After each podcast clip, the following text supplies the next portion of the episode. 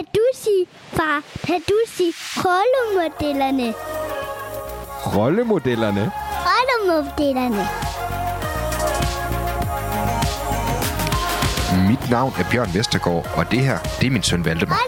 Hvad han ikke ved er, at jeg over 55 afsnit har skabt rollemodellerne som en gave til ham, så han kan sætte sit eget aftryk i verden, når han bliver stor. For rollemodellerne er et kartotek af mennesker, som har tur gå mod strømmen, gå efter drømmen. En skildring af dem, der har haft mod til at kunne og viljen til at ville. Selv har jeg lært uendelig meget af mine samtaler undervejs, uanset om gæsten var Jakob Risgaard, Martin Thorborg eller Claus Meier. Og jeg håber, at du, kære lytter, også har. Jeg håber, at du vil læne dig tilbage og lade dig blive forbløffet, berørt og måske vigtigst inspireret. Velkommen til Rollemodellerne, podcasten, hvor du starter med den bedste inspiration.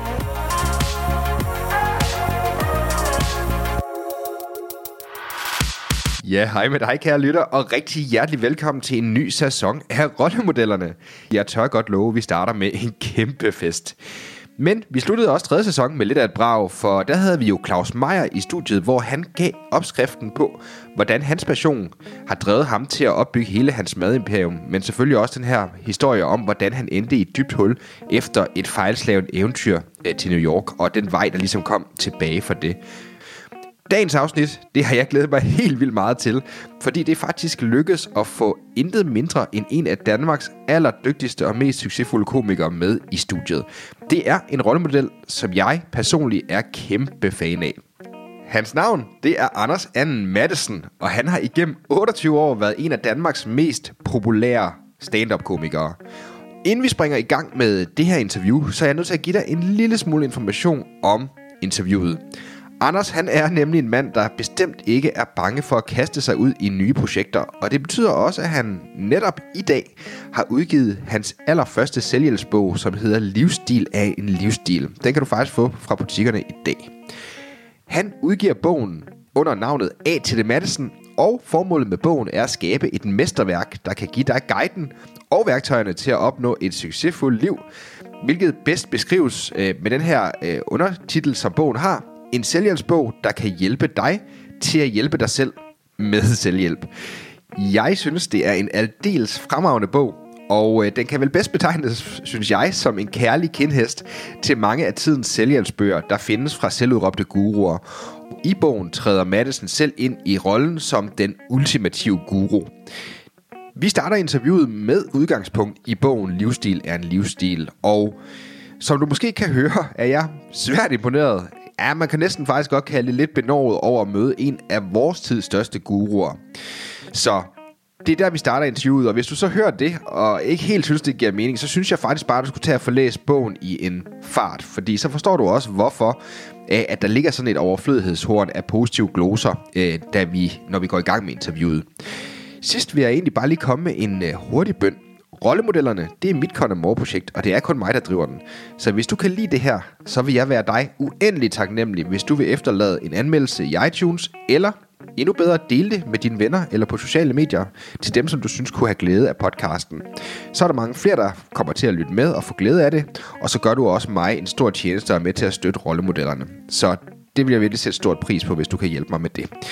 Det var ordene for den her intro. Lad os springe i gang med interviewet. Velkommen tilbage til Rollemodellerne, og rigtig god fornøjelse med podcasten. Det her, det er afsnit 57, og gæsten er Anders Ann Madsen. Tak fordi du lytter med. Jamen, øh, rigtig, rigtig hjertelig velkommen her til Rollemodeller podcasten. Jeg har jo haft nogle mestre her i den her podcast, må jeg sige, men dog har jeg dog aldrig mødt en, øh, en mester som den person, der har sagt ja til at deltage øh, i podcasten i dag. Det er øh, en mester og en guru, kan man vel også, også sige. A til det Madison. Ja. Jeg ved, at du er jo en meget ydmyg person, øh, og jeg vil have det rigtig dårligt med og, øh, og præsentere dig øh, forkert. Så jeg vil godt lige have lov til at læse okay. op fra, fra bogen. Er det øh, sådan, det kan vi gøre det? Ja, ja, det synes jeg lyder godt. Ja, det er godt, øh, fordi det vi har fået med i dag, eller den person vi har fået med i dag, øh, er jo livsstilscoach, first mover, selvhjælpsguru, ernæringsekspert, krystalhealer, hestevisker, åndemaner, lykkejæger, regnbuefanger, vægtvogter, stifinder, flottenheimer med bag, bag, baggårdspuma i ascendanten, og selvfølgelig en autodidakt indretningsarkitekt. Og det, som jeg faktisk ikke lige læste i bogen, men som jeg kunne forstå, øh, herr Madsen også var, det var, at du var også øh, mariehønekspert. Ja, ja, og, øh, og, øh, og yoga udøver på højt niveau. Der er, jamen, titlerne vælter jo ned. Men nu har jeg bare taget et lille udflugt på det, jeg synes var mest relevant i forhold til bogen her. Ja, det, tager, det, det synes jeg virkelig også, det bærer præg af, fordi at, at man føler jo først og fremmest, uh, herr Madsen, må, jo, må jeg jo virkelig, virkelig altså af hjertet sige tusind, tusind tak for det, det fantastiske bog, du har skrevet. Det var det så lidt. Det glæder mig, at du har kunne bruge den, men øh, det havde jeg nok på fornemmelsen. det havde du jo nok jo ikke. Jo. um, og man kan sige, at altså, jeg synes, man i dansk uh, litteratur har, i, i, i det danske sprog, i det hele taget har en, uh, en tendens til at overbruge ordet mesterværk. Um, jeg, jeg, jeg må sige, jeg synes faktisk ikke, at mesterværk er rammende her. Øh, de her 272 sider øh, med øh, jamen, en bibel af visdom, hold dog op, sikke en mundfuld. Jamen, det, det glæder mig, og som Jesus sagde, det sagde du, og ikke jeg. Øh, ikke at jeg på nogen måde sammenligner mig med, med Jesus. Han havde, han havde noget længere hår. Øh, men øh, men jeg, jeg er glad for ordene, jeg sætter pris på det. Det, det har jo været mit forsøg, at, altså, at jeg ville lave et, et mesterværk er måske så, så, så meget sagt. Det sætter man sig jo ikke for, men jeg vil lave noget, der virkelig battede, og, og noget, som gav tilbage til, til folk. Og, så det glæder mig meget at høre, at den er landet godt. Jamen det må jeg sige, det er den, øh, og det er den, og jeg vil sige, at det, der er sådan set, jeg har to, sådan to øh, forbehold, kan man tillade sig at sige. Selvfølgelig forbehold er meget stærkt ord at bruge her, fordi ja, det er ikke rigtigt forbehold. Ja, på. Jeg kan godt mærke, at der, der, der, der, falder stemningen lidt, men for det første er det jo det her med, jeg, jeg kom sådan til at tænke på det her kinesiske ordsprog, da, da jeg læste bogen, det her med, at det bedste tidspunkt øh, at plante et frø, det var for 20 år siden, øh, og det næstbedste var i dag. Og, og jeg står jo selv med en personlig ærgelse over, at den her øh, bibel er fyldt med visdom, som du generøst har delt de her guldkorn, at den ikke er skrevet, da jeg, altså for 38 år siden, fordi det vil have sparet mig for 38 års øh, sjælerensagelse for at finde vejen til det lykkelige liv. Ja, men det er også helt klart mit, mit eget største hang-up og min egen største fortrydelse af det, at jeg har ventet så længe. Jeg har fået utallige opfordringer fra, fra folk, der sagt, kan du, ikke, kan du ikke komme med nogle af dine visdomsord, dine værktøjer, dine gyldne guldkorn fra, fra, øh, fra øh, livets øh, firesporede motorvej derude. Øh, og, og selvfølgelig, jeg har haft lysten, men jeg havde også ligesom, det var noget med, at tingene også ligesom skulle modnes i mig. Så jeg beklager, at jeg først kommer nu, men, øh, men så er det nu, vi starter arbejdet. Det er nu, vi tager første spadestik. Det, det, det er nu, vi skal i gang, kan man sige. Og, og, og hvis jeg må tage det andet forbehold med også, øhm, ja. så er det det her med, at min hustru og jeg er jo øh, endt i ophedede diskussioner om de her fantastisk flotte billeder, der er. Altså det skal vi jo have som wallprint øh, hjemme i vores køkken. Og vi Nå, kan det glæder mig, ja. Vi kan ikke afgøre, hvorfor, hvorfor en af de billeder, som vi helt specifikt skal bruge. Der er jo simpelthen, det er jo et potpourri at vælge mellem af, af fremragende billeder af, af, af guruen selv, ikke? Jo, og det var jo også grunden til, at jeg lavede, som du måske øh, har fundet bagerst i bogen, lavet et billede, som øh, har en stiplet linje omkring og et lille saks-symbol. Det er det, jeg selv foreslår, man, man klipper ud, fordi så ødelægger man ikke bogen indeni, hvis man skal klippe. Men det er klart, vil man kopiere, og det vil jeg gerne give lov til i det her konkrete tilfælde, når det ligesom er øh, mesterdyrkelse, så må man gerne gå på strandhugst i de mange smukke portrætter. Og, øh, og, øh, og, og man kunne jo lave en collage Øh, sådan et køkken kan jo indeholde mange forskellige, men, men nu er der jo også billeder øh, med spisesituationer, der er madbilleder og mange sådan øh, smukke drinks, der bliver tilberedt og forskellige ting. Og det kunne være nærliggende måske at tage nogle af dem. Det er altså inspiration. Du bliver, du, du, det er jo gaven, der bliver ved med at give, og det må jeg virkelig sige. Um, ja. Altså, jeg, jeg synes allerede, vi kunne stoppe interviewet nu her efter fem minutter, og så, så tror jeg egentlig, at lytterne havde, havde fået det med, de skal. Så det er bogen, bogen snakker for sig selv, simpelthen, ikke? Ja. Det gør den jo. Ja, altså, det, gør det, den jo. Det. Der er ikke mere og, at sige. Og det, det er det. Og, og lad, lad mig prøve at stille et spørgsmål. Altså, hvad var det for en erkendelse, eller hvad var det for en episode, øh, der førte til, at du sådan følte det her behov for øh, langt om længe måske at træde i karakter som mesteren her, der, øh, der, der deler så, så generøst ud af sin livserfaring? Ja, jeg har jo altid været glad for at, øh, at hjælpe de folk, der har haft brug for det, og jeg har jo altid fungeret som sådan en mentor, coach for min familie, mine venner og mine kolleger. Øhm, så jeg havde egentlig ikke tænkt på, at det var andet end det. Så er der flere gange nogen, der har sagt, hvorfor stiller du ikke op til Folketinget? Hvorfor bliver du ikke statsminister? Eller har råbt efter mig, anden du Gud, øh, når jeg færdes på, på offentlig vej og sti. Og det er jo ikke sådan, at øh, jeg tænkte, det der statsminister, det er sgu også noget af en omvej. Så, men, men jeg havde alligevel en forpligtelse til at følge, om der kan være noget om det. Jeg går her og brænder ind med så meget visdom og så meget livsstil, at det måske også er unfair at beholde det for mig selv. Og så var det, jeg begyndte at coache lidt øh, i det små på Instagram. Øhm, og så kom jo selve oplevelsen, hvor jeg var nede i 7-Eleven. Øh, jeg beskriver den i bogen, hvordan en ung purk bag disken siger, øh, fordi jeg bestiller en, en fransk hotdog, og han siger, hvad skal der have i, mester? Og i det, han siger mester, der går det hele op for mig. Ah, der er min vej. Så den blev ligesom kastet i hovedet på mig øh, ved en af de her øh, hverdagens engles mellemkomst, kan man sige. Ja, jamen, og det er jo... Han, han, det er var, jo han, var, han, var ikke, ja, han var ikke en engel, han var en, en akneramt burk, men, men jeg tolkede øh, det, han sagde, og der, der, der sætter jeg ham jo lidt op på en pedestal på den måde. Men det var, det var ligesom det, der fik det, det var jo, det var jo tilfældigt, det der kom ud af ham, men jeg, jeg så ligesom anvisningen i virkeligheden og tænkte, jeg er mester, jeg skal, jeg skal dele ud af de her ting.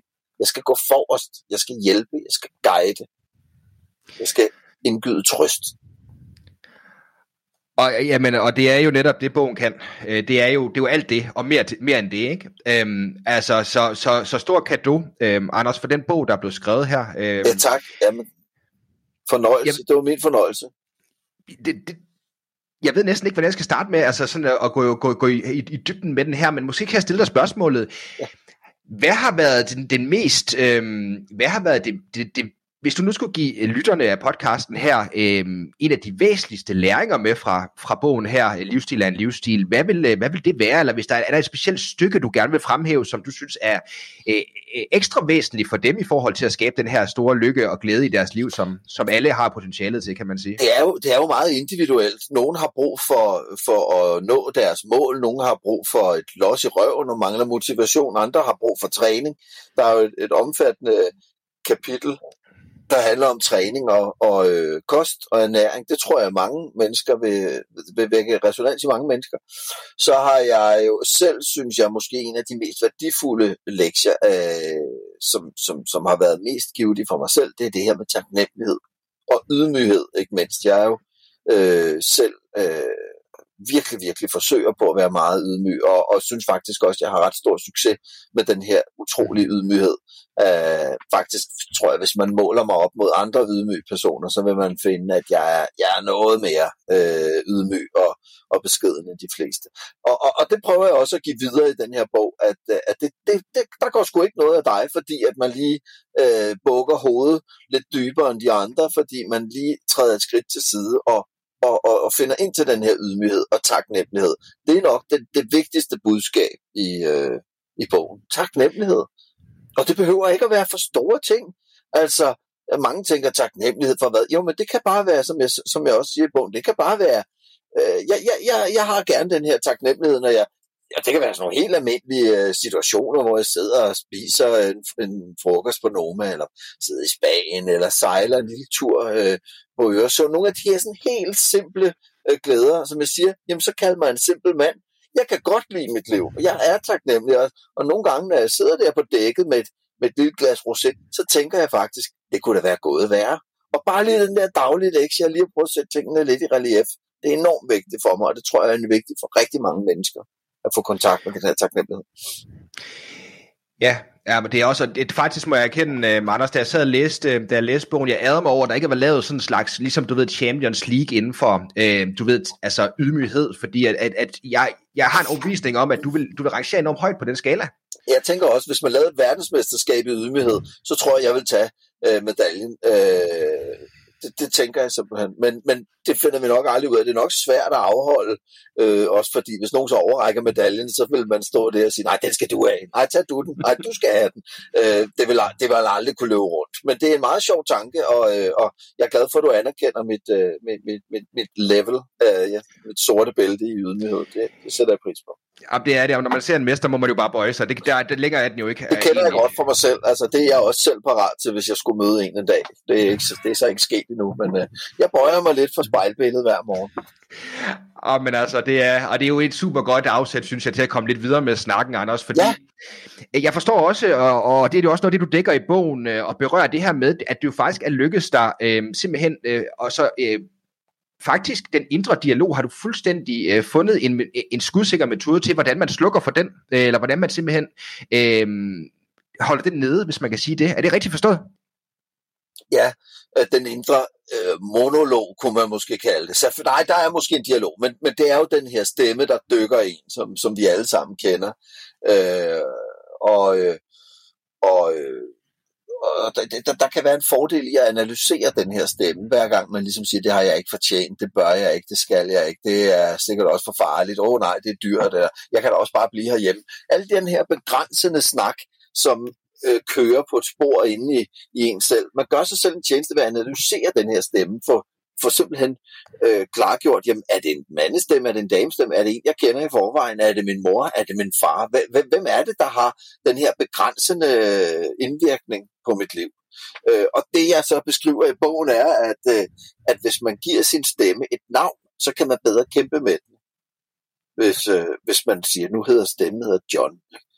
Øh, I stedet for, at det bare er et underligt ekko i baghovedet, der siger, du drikker lidt for meget, Anders. Så kan man sige, luk lige røven, John øh, fordi jeg skal faktisk, jeg skal faktisk øh, lige have en øl nu. Jamen, klokken er halv 10 om formiddagen. Luk, luk røven, John. Øh, så, så på den måde, så, så får man ligesom sat et navn på modstanderen.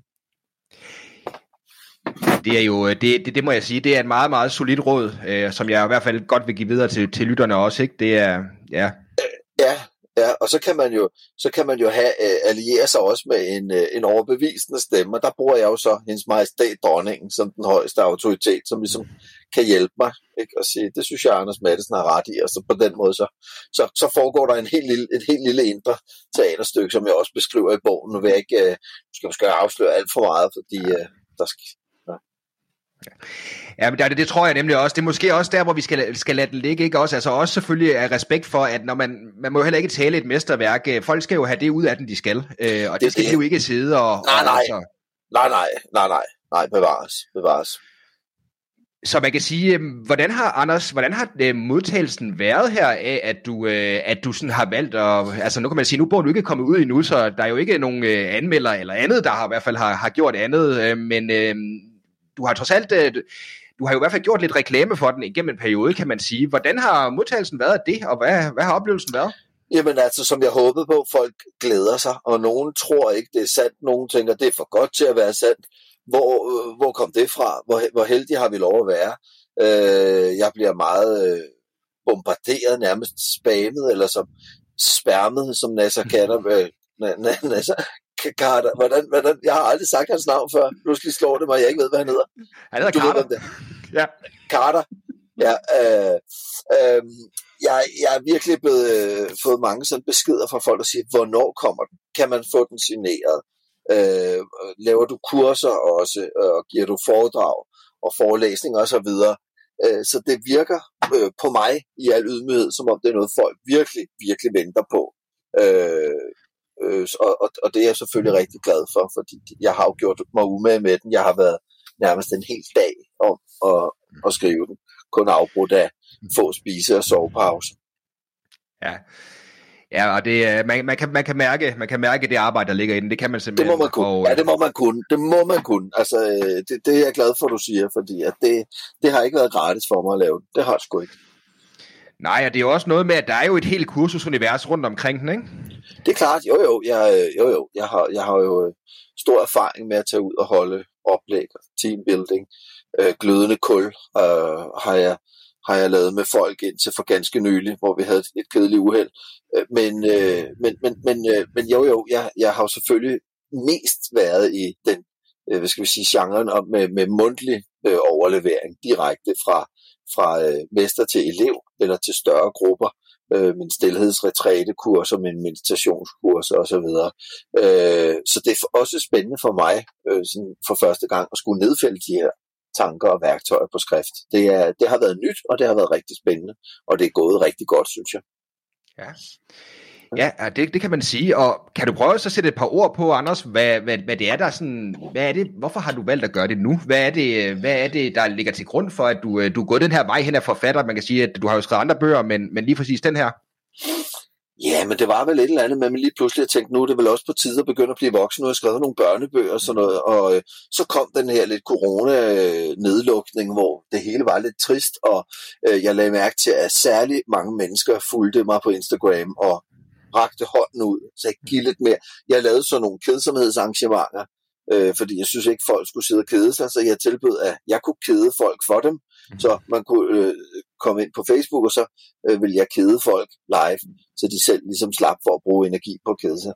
Øh, og og jeg kunne mærke, at der var enormt sådan sug i folk. De ville have mere. De, øh, kan du ikke... Og øh, folk begyndte at ringe fra, kan du ikke synge med om fredagen sammen med ham der, øh, Peter Faber der, og alle de der ting. Folk ville, ville have mere. Og, og på det tidspunkt, der sad jeg og tænkte, jamen, jeg har ikke noget, jeg skal ikke ud lige nu og gøjle og så videre. Skulle jeg prøve at sætte mig ned et øjeblik og få styr på nogle af alle de her ting, som jeg plejer at levere videre mundtligt. Og øh, ja, så startede det nærmest tilfældigt den eftermiddag, at jeg skrev øh, et par linjer, og så sendte jeg det til min redaktør, som bare med det samme sagde, det her må ikke gå til spil. Skriv, skriv som vinden. Øh, og, øh, og så gik jeg til den på alvor. Ja. ja. Det er, ja, det er også, øh, man kan godt fornemme, at der har været enormt positiv øh, respons på, på alt det, du har lavet omkring livsstil af en livsstil her indtil, indtil der, hvor vi står i dag, ikke? Ja, ja, der er jo altid et par haters, men dem sletter vi og blokerer, men det der, der er der nogle stykker, der har sagt, hvorfor skal vi nu høre, hvordan, hvad, øh, hvorfor skal du fortælle os, hvordan vi skal leve? Men øh, ja, der må man jo lige spå, øh, læse bogen først, og så vil det stå en ganske klart, hvorfor det er mig, der skal fortælle folk det. Ja. Der kunne ikke have været andre, hvis du spørger mig, men, øh, men det gjorde du jo, kan man sige. Ja, så, ja, ja, ja, ja tak. det, det, det, kan vi jo hurtigt blive Der er mange, der har prøvet, der er jo mange sådan nogle Christian Stadil-typer, og øh, øh, coach din røvflad på 60 dage, og øh, alle de her sådan, øh, det jeg kalder falske profeter, øh, som har kommet med forskellige opskrifter på lykke og glæde og succes i forretningslivet og livsmål osv. Og, så videre. og det, det reagerede jeg også en lille smule imod, den her, de her, det her kvaksalveri, der finder sted inden for coachingverdenen, hvor jeg også ligesom havde lyst til at komme og sige, skal vi så ikke komme til sagen? Nu skal vi være lykkelige, og det bliver vi på, på de her 189 sider, eller hvad der er i. Ja. Ja, det, det, det er jo det, kan man sige, og altså, det er, det, det, er, jo, det er jo i hvert fald en interessant uh, tanke, det her med, øhm, hvis vi skal prøve at snakke lidt om det her med netop sådan, du ved, uh, Instagram og de her, uh, du ved, lad os kalde det profeter, eller, eller kalde det, ja. hvad du vil, ikke? men altså jo. det her med, hvad tror du egentlig, der, gør, hvad tror du egentlig, der er til grund for, at vi, at vi som moderne mennesker her i 2021 er søger sådan, altså at vi, at vi søger, øh, ja, det er, jo, det er jo svært, men verden bliver jo mere og mere vanvittig og mere og mere hektisk. Altså, øh, så det er klart, at folk søger efter et anker, noget at holde fast i. Nu er den almindelige øh, idé om, at Gud han sidder og overvåger os, at det er jo ikke mange, der abonnerer på, øh, på det der... Øh, på, det, på den ideologi, på den religion. Der er selvfølgelig nogle få, men de fleste står uden religion og uden en fast moralsk øh, arkivmeter, så at sige man tager lidt, hvad man kan få fat i på nettet, man prøver at stykke det sammen, man prøver at lave nogle regler for sine børn, og sige, så må du ikke skærme så meget, og vi prøver, man prøver at sige, om skal vi lade være at spise så meget kød? Man prøver sådan at navigere lidt og blive et moderne, godt menneske, så at sige. Ja, der var lige en lille pause, fordi at jeg lavede øh, citationstegn i luften. Øh, så, så der tror jeg, det er vigtigt, at der kommer en ny autoritet, noget lederskab, nogen, der går ind og siger, sådan her skal vi være. Det, det her, så er man god, her er man dårlig. Det her skal man gøre, det her skal man ikke gøre. Og det synes jeg, at der er mange, der, der vogter sig for. Øh, rigtig, rigtig mange mennesker siger, jeg forsøger jo ikke at løfte en pegefinger eller besvare. Jeg prøver at rejse nogle spørgsmål. Og der bliver jeg lidt træt i masken og tænker, der er for mange spørgsmål. Nu skal vi have nogle svar. Øh, nu skal vi have noget lederskab, nogen der siger, sådan her er det og øh, det må du forstå. Og det er det, jeg har forsøgt at gøre med den her bog. Jeg synes, det var på høje tid, og det er også derfor, jeg håber, at det kan blive den nye sådan konfirmandgave. Øh, man kunne også have den jo i kirken. Øh, der står sådan nogle træstativer i starten, og man går ind, der tænker jeg, der kunne den også stå. Øh, jeg har med vilje sørget for, at den passer nogenlunde i, i formatet. Øh, fordi jeg tænker, det er på tide, at vi, især vores unge mennesker, får øjnene op for, at der er altså noget, der hedder rigtigt og forkert. Der er en rigtig livsførelse, der er en rigtig stræben, og, øh, og der er nogle ting, vi kan gøre for at blive lykkelige. Ja. I stedet for kun at gå op i de nyeste sneaks, og hvor mange likes man har fået, og alle de her moderne buzzwords. Det, øh, det er faktisk en interessant snak, Anders. Det, det, det tror jeg sådan egentlig godt, det kunne være lidt interessant at høre dine tanker på det der med, altså, øhm, fordi lige præcis det her med, altså man kan sige, du har jo været i gamet i rigtig, rigtig mange år, øh, og, Jo, jo. øhm, altså, og, og i den forstand har du, og dit publikum er jo modnet med dig på en eller anden plan, kan man sige, ikke? Øhm, Ja, jo. Hvordan har du kunne mærke det der med, altså, fordi at sociale medier er jo både blevet et outlet for mange, det er også blevet et sted, man bliver set, men det er også blevet mere en, en kanal, hvor folk har et behov for at, øhm, at ytre deres mening øhm, om de ting, de oplever. Øh, det, var, det var jo ikke sådan tilbage, ku- i, øh, du ved, da du kom frem som- stand-up og så videre. Hvordan har du egentlig oplevet den, øh, den øh, udvikling? Ja, det er jo klart, at, øh, at, at, at den direkte adgang til at mene noget om noget, og til at distribuere denne mening, er jo blevet meget nemmere. Øh, den er måske så også bare blevet mere og mere ligegyldig, fordi alle ligesom kan mene noget om noget. Øh, så det bliver, det bliver også, det drukner jo lidt i alt den der digitale støj. Men det er sjovt, som folk efterhånden synes, at deres mening, deres besøg, øh, tæller, tæller helt enormt voldsomt meget. Ikke?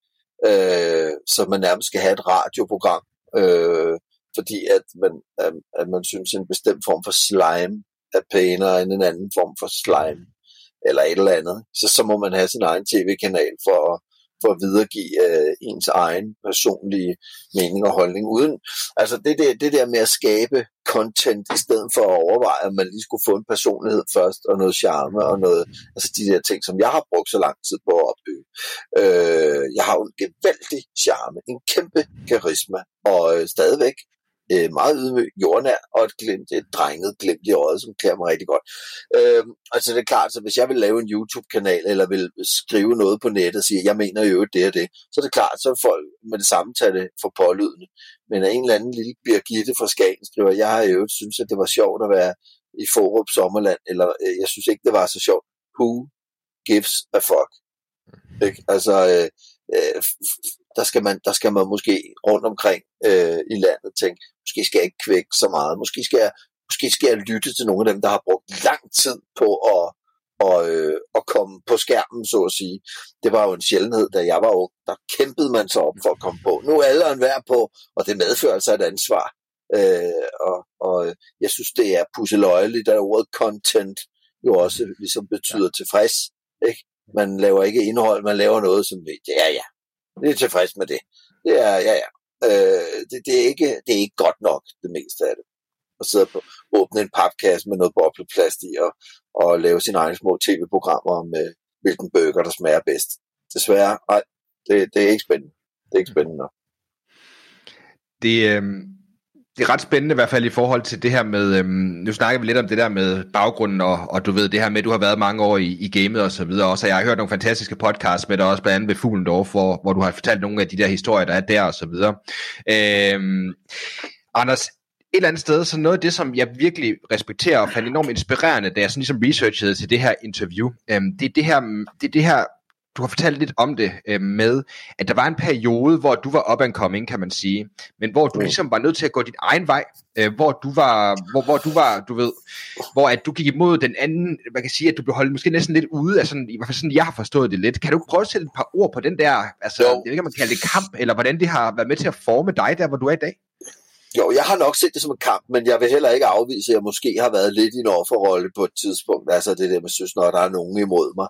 Jeg kom fra, øh, jeg kom jo fra battle rap miljøet og øh, fra hiphoppen, øh, men var ligesom i min, mine unge dage, var jeg afskåret fra at have et miljø, øh, hvor man kunne lære øh, øh, de der forskellige ting. Jeg var ikke øh, tilknyttet nogen ungdomsklub eller noget miljø. Der var ikke nogen, jeg kunne gå ud og male graffiti med, eller, eller lære at sample eller scratch. Jeg måtte lære hele det der pis selv, og der var jo ikke noget YouTube dengang, så det var noget med at købe en pladespiller, og så stå og flå i den, til man synes, at nu var den ved at være der. Øh, det var noget med selv at skrive de der tekster, selv at få lavet øh, ved hjælp af pauseknap mix på dobbelt kassettebånd, få lavet nogle tracks, man kunne rappe til osv. Så, så da jeg på et vist tidspunkt kommer lidt ud over Alberslunds grænser med mit rapmusik, og sammen med drengene tager ud og spiller inde i ungdomshuset og til demonstrationer rundt omkring ved alle mulige steder, møder jeg jo flere og flere, og jeg tager også til jams og battles i Aarhus, og møder en masse søde mennesker, fordi der var et vist sammenhold mellem hiphop og den her øh, i, i gamle dage, fordi det var så sjældent, så når man mødte nogle andre aber, der også kunne lide rap, så var det jo nærliggende at sige, at I ikke sove hos mig, eller øh, vi skal da ud og spise sammen. Man var ligesom, man var med i en klub, og det var de samme øh, tosser, der var til de samme jams altid. Men det betød også, at der var en øh, intern hakkeorden, og øh, der var nogle uskrevne regler, Øh, og det begyndte at irritere mig, fordi de her regler fulgte nogle modeluner. Altså sådan noget med, nej, nu skal vi alle sammen hedde noget på dansk, for det er fedest, for det er undergrund. Nej, nu skal vi alle sammen hedde noget på engelsk, fordi det er lidt sejere, og vi vil noget mere med det. Nu skal alle rappe på engelsk, nu skal alle rappe på dansk, nu skal man sample, og nu skal man spille selv, nu skal man have guldkæder på, nu skal man have afrika medaljoner om halsen og være righteous og dilla soul Jeg er jo ved at brække mig over det, hele det der, øh, de der øh, dogmer, man blev nærmest påduttet. Øh, så da jeg kom over i stand-up-genren, så kunne jeg mærke, at det begyndte at irritere mig, øh, når folk sagde sådan, jamen stand-up er jo sådan og sådan. Man må ikke øh, lave parodier, man må ikke synge, man, må ikke, øh, man har ikke par ryg på, man har ikke maske på, man stiller op som sig selv, og der var alle mulige sådan nogle øh, ekoer af, hvordan det skulle være fedt, hvis det skulle være rigtig amerikansk-agtig stand-up, og det synes jeg simpelthen bare var så pivlatterligt. Altså. Så, øh, så jeg begyndte sådan indad at prøve at nedbryde alle de der regler ved netop at sige, jamen, øh, jeg optræder bare i forklædning, hvis jeg har lyst, mm. eller nu synger jeg en sang. Og, og så blev det sådan, så fik jeg jo lidt succes med de ting. Øh, og det var ikke fordi, der var nogen, der stod og holdt mig nede på den måde, men Øh, jeg var ikke så jeg var ikke så vel øh, set i starten. Der var jo nok nogle stykker, der synes jeg var lidt latterlige, og der var også nogen, der modarbejdede mig og sørgede for, at jeg røg ud i kulden i forhold til det der enevældige bookingselskab, som hed FBI, øh, som, som stadig var, var stort dengang. Øhm, og jo, der gik nogle år, hvor jeg ikke havde noget at lave, hvor jeg ligesom måtte lave mine egne jobs. Og det gjorde, at jeg fik en vis mængde trods, og ligesom da jeg så fik arbejdet mig op ind til at folk ligesom ikke rigtig helt kunne overse det, jeg lavede. Så kom jeg også tilbage øh, til det der bureau, og øh, til nogle af de der caféer, jeg ikke havde kunne optræde på, med en vis trodsighed og en vis sådan stedig stolthed over, at jeg havde skabt mig selv. Og øh, det er der en eller anden øh, mængde fremdrift i, som jeg begyndte at dyrke. Jeg begyndte ligesom at tænke, hver gang nogen siger noget til mig, jeg ikke kan, så skal de fucking få at se, hvad jeg kan. Ikke? Så det blev sådan et mantra for mig, når folk de ligesom sagde, ja, men stand-up er jo kun øh, negativt. Man kan jo kun lave negativ stand-up, hvis det skal være sjovt. Ikke? Så tænkte jeg, fuck det, jeg laver et show, hvor den ene halvdel er positiv, så ser vi. Og der var nogen, der sagde, at stand-up, det er jo meget afhængig af publikum. Og jeg tænkte, godt, nu laver jeg et show, hvor publikum ikke umiddelbart er til stede. Jeg registrerer dem i hvert fald ikke. Jeg står i min egen lejlighed og kigger ned i jorden. Og det blev sådan en måde, at jeg tænkte, hvis jeg kan virkelig prøve at være mit eget lys og min egen fakkel i det her, så, så, så går jeg min egen vej. Og det blev ligesom, jeg vil ikke sige en religion, men det blev i hvert fald en, et, et dogme for mig, eller en måde at gøre tingene på. At have 100% tillid til alt, hvad jeg selv kom op med, og have meget stor skepsis over for alt andet. og alle øh, kritiske røster, og alt hvad, alt, hvad folk sagde, at man gør sådan eller sådan.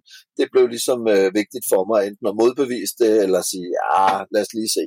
Øh, og, og så, så, så måske har den kamp øh, øh, mest fundet sted inde i mig selv. Måske er der ikke så mange, der har modarbejdet mig, som jeg selv synes.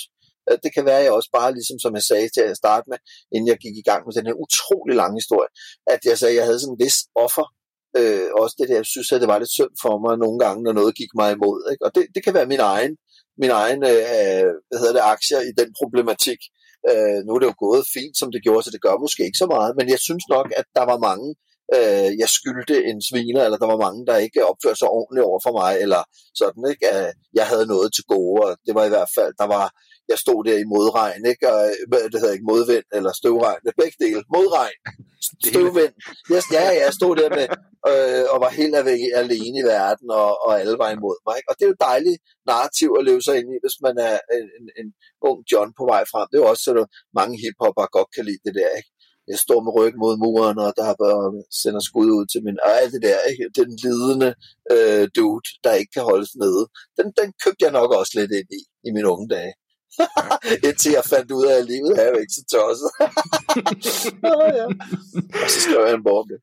Og så skal du en bog om det, ja. ja lige præcis. Anders, ja. Øh, der, der, der, der, er, der er et par spørgsmål, eller opfølgende spørgsmål, jeg synes er ret ja. interessant omkring det der. Okay. Øhm, fordi der er to ting i det. For det første det, det her med, altså, hvordan tror du det der, altså, det første, ja, netop, hvordan tror du, det har påvirket den drivkraft, som du har haft igennem dit professionelle arbejdsliv, hvis man kan sige det, det her med, at du har haft den her oplevelse tidligt i din karriere? Øhm. Altså, ja, ja, ja, jeg, ja. Jeg, øh, øh, øh, jeg så meget af min succes, må være have, have lov at sige, altså når, når tingene lykkedes for mig, så så jeg det meget som et signal om, at, at det var rigtigt, de beslutninger, der havde ledt hen til, til de her ting. Og øh, så jeg fik en større og større selvtillid, men blev også, øh, hvis man skal prøve at anskue det lidt mere sådan filosofisk, blev jeg meget opmærksom på, at øh, det der, øh, som jeg, japanerne kalder øh, øh, mushin, tror jeg det hedder, ikke? altså begynder sind, at, at man angriber noget, uden nødvendigvis at vide, hvordan. Og så tager man øh, den, den vækst og den øh, læring, der er i processen, og kommer rigtig langt på den konto. Og det er jo ikke sikkert, at det altid kan... Det kan godt være, at der er nogle ting, det er smartere, det er nok sikkert smartere at lære at lave mad, inden man åbner en, øh, en øh, øh, Michelin-restaurant. Men, men hvis man vil et eller andet, så kan det godt nogle gange analyseres ihjel, og man kan spørge sig for meget frem. Og jeg oplevede meget, at mange af mine kollegaer, ikke alle sammen, men nogen, nej, nogen af mine kollegaer lod sig bremse af de havde sådan ligesom et naturligt loft for, hvor langt det kunne gå. De så for meget op til deres forbilleder, øh, vores amerikanske forbilleder, som også var mine forbilleder, mange af dem.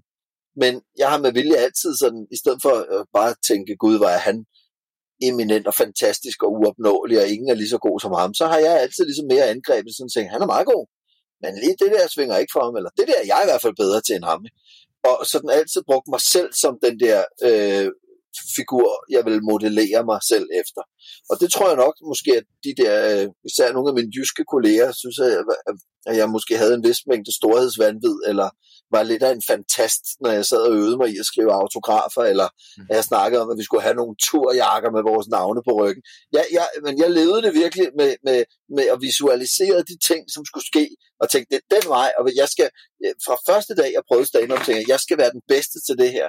Øh, jeg havde dog også en helt stor, øh, virkelig øh, erkendelse af, at det var jeg på ingen måde, og jeg var langt fra. Men øh, det kan man jo blive ved at gentage for sig selv. Jeg tror mere, at jeg gik og tænkte, hvordan bliver det? Hvordan skal vi komme videre? Hvordan skal jeg nå videre end dem og dem? Og hvordan skal jeg nakke ham der? Og hvordan skal jeg komme foran hende der? Og hvad det nu måtte være. Ikke? Så, øh, så det der begynder sind at kaste sig over det, og ligesom beslutte sig, at jeg skal hele vejen til målet her.